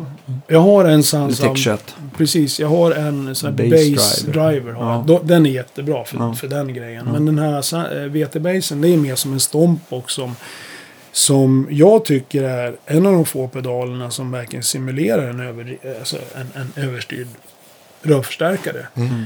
Eh, jag tycker så här personligen att eh, med förstärkare att jag, jag vill liksom utgå ifrån liksom ett ganska rent sound. Jag vill ha headroom i ett ljud. Mm. Jag, jag, jag har liksom, för jag tycker det, till exempel en, en, en SVT är ju ultimat. Den är Mm. kraftig. Och vill du dista det så kan du välja själv. Då kopplar du in box. Jag menar, en Marshall 100 wattare till exempel, det är för svagt. Mm. Alltså det är skitcoolt sound. Jag älskar det där. Liksom high watt soundet också. Men Marshall Major, alltså en 200 watt Ja, Har du kommit över sådana? aldrig testat en sån faktiskt. Jag vet ju folk som har haft såna där. Och de är ju feta. Men jag menar liksom att, att man liksom har... Så, jag tror det är annat med basen med gitarr. Liksom, Mm. För att man vill kunna styra själv när förstärkaren ska, ska dista. Och det kan man inte göra med en svag basförstärkare. Mm. Nej. En 100 wattare Utan den bara distar på väldigt låg volym. Däremot så tycker jag en, en, en, en, en Ampeg till exempel. Eh, och det beror alldeles på vad man gör. Men med, med Thåström då har jag den där pedalen eh, ikopplad hela tiden för att få liksom ett väldigt liksom gritty, Mm. skitigt sound med plektrum. Väldigt, väldigt mycket sträng. Eh, och så har jag en Octaver också. Som jag slår in ibland när jag spelar lite lugnare och för att få liksom den här syntbaskänslan. Och, men där är det liksom 90% plektrum. För att han, han vill ha det soundet. Och jag, jag, och jag tycker att det, det är den, det som passar den musiken. Och det är så lustigt då till exempel här. Vi var, hur det kan vara ibland, men spela med honom i helgen. Två spelningar. Och så ska jag då spela dagen efter med Roffe på en bluesfest. Och då är det liksom ett helt annat uttryck. Ja. Och då, för då har jag ju en P-bas med slipade strängar. Mm. Och, och inga effekter alls. Utan då är det mer liksom bara få få det här liksom Duck Dunn eh, blues. Så när jag kom hem då, fan, äh, jag ville sätta mig en timme för att komma in, in i den viben liksom. Ja. Då får man sätta sig med, och där är det fingrar. Så att Så då... det blir en kalldusch när man... Nej, men alltså, det, jag kan påstå att det var kanske lite enklare förr. Nu har det blivit svårare att liksom bara så här switcha om. För att eh, när man spelar till exempel med Thåström, man är så jävla, han är ju så otroligt fokuserad och mån om liksom, all, han hör ju allting och han, för honom är det liksom, nej fan det där syntljudet måste vi ratta om och det måste dista på mer på den låten. Och, Så att man är så i det liksom. Så att då är man så otroligt liksom, vad ska man säga, i bubblan. Så när man kommer ur den och ska in i en annan grej, då, då är det lite så här, oj jävlar vad märkligt det blev. Så då får man sätta sig och spela, så då får man sätta, sätta sig någon timme när man kom hem där på flyget och spela da blues. liksom. Oj, förlåt. Ja, Ja, nej men så, så att, så att eh, det är två helt olika världar liksom. eh, har du favoriserat något strängmärke som du tycker har funkat bättre än andra? Eller beror det lite på vad det är för typ av sträng? Eh, jag har i många år spelat på Dadario. Ja. Då körde jag de här 050, de såna här eh, Excel. Typ. Pro, Pro Steels. Pro jag Steel, gillar ja. stålsträngar. Jag tycker Ja. sen nickelsträngar. Jag, jag tycker det känns som att det är något, någon hinna i vägen när man spelar så här speciellt. Det, det liksom blir inte det här. Det känns som att en stålsträng har en helt annan arti- vad säger man? artikulation. Mm. För mig liksom. Det är, på något sätt en nickelsträng känns det som att det är en sorts kon, konst, speciellt när man spelar eh, oslipad sträng. Mm. Så kan jag tycka att det är, det känns lite som att det är en, en, en konstgjord metallklang. jag vet inte hur jag ska beskriva okej. det. För när man har en stålsträng så är det liksom full range. Det är liksom något som, som, som jag i alla fall känner. Jag känner att det är skillnad. Där Mm. kan jag känna en skillnad. Jag upplever lite, nu vet jag inte hur det är på bas i och för sig, men på, varför jag inte riktigt har fastnat för stålsträngar eller stainless steel eh, på elgitarr är att jag tycker att de blir lite strävare. Men det, det, Det är kan- väl en lite vanesak också kanske. Det är jättesvårt tycker jag att ha nya strängar. Ja, Eh, och det märker man ju. Det har inte jag test, tänkt så mycket på med nickel. Men så fort man får ett nytt strängsätt på sig. Fan, det, det är också Ja, väldigt precis. kämpigt. ja, Eh, men eh, jag byter inte strängar så ofta. nej. Men när man väl gör det så. När man, man, det kan vara lite så här. Man går liksom tre dagar innan och våndas. jag måste byta strängar. Ja, fan. Vet man att det tar liksom, innan de kommer in liksom, i matchen. Så där. Men, men eh, nu har jag faktiskt börjat spela på DR. Ja, Eh, som jag tycker, eh, när jag gick ner, kände jag att jag var tvungen att byta lite koncept där. Så att då, när det gäller slipade strängar, äh, oslipade strängar så, så kör jag, kör jag eh, DR och eh, när jag kör eh, slipade strängar så kör jag Dunlop. Just det. Mm. Jag vet att Fandén på Deluxe Mm. pratade om de där Dunlop-strängarna. tyckte att det var Ja, lite bättre. För annars är det rätt mycket, jag, jag har eh, tipsat om de här Deodario Chromes. För de har väl varit lite. Bright, gan, de är väl ganska brighta Ja. egentligen för att vara slipat sådär. De Ja, har inte det typiska kuddiga reggae-soundet kanske. Så, sådana har jag också testat. Men jag vet, jag känner... Det, jag har, ju- känner inte så, alltså de är ju meningen att de ska låta liksom kudde. Ja. Det är ju så med, med slipare. Kort och mjukt. Ja, Och precis. fluffigt. Och... Så att... Eh, Nej men sen jag gör sådär också. Hittar man in i något så använder jag är lite så här äh, autistisk där. Att jag har så svårt liksom. Har jag bestämt, liksom, nu har jag de här strängarna. Då byter jag inte det konceptet i onödan. Mm. Så här för att eh, det är samma med basar liksom. Med p-bas till exempel. Jag, jag, jag, det är sällan jag byter instrument mellan låtar till exempel. Och gör jag det nu till exempel med Thåström. Då är det för att vi kör drop D på några låtar. Ja, just Så att jag får gå ner. liksom. Då har jag en sån här eh, hipshot. Ja, Just. Och, som är neddragen. så att... Eh, och då är det två p-basar. Och då försöker jag ändå hålla någon sorts eh, eh, sound som överensstämmer mellan, mellan instrumenten. Liksom. Det är sällan att det är så här. Nu har man en halvakustisk bas liksom på någon. Då drar jag ner tonkontrollen på, på Fender. Ja, och så det. spelar jag liksom Ja, just det. lite längre fram på halsen bara. Just det. Få liksom de sound jag vill ha utifrån instrument. Ja, p-basen till exempel. Du har inte spelat av mer sen du gick ner i tjocklek? Jag spelar aldrig av strängar. Nej. Det är konstigt. Det, det, de går väldigt sällan alltså. Mm. Jag, jag är konstigt. Det var, det var länge sedan jag spelade av strängar. Det har hänt liksom. Men då har de väl suttit på för, för länge liksom. Ja. Men det är nästan aldrig jag drar en sträng.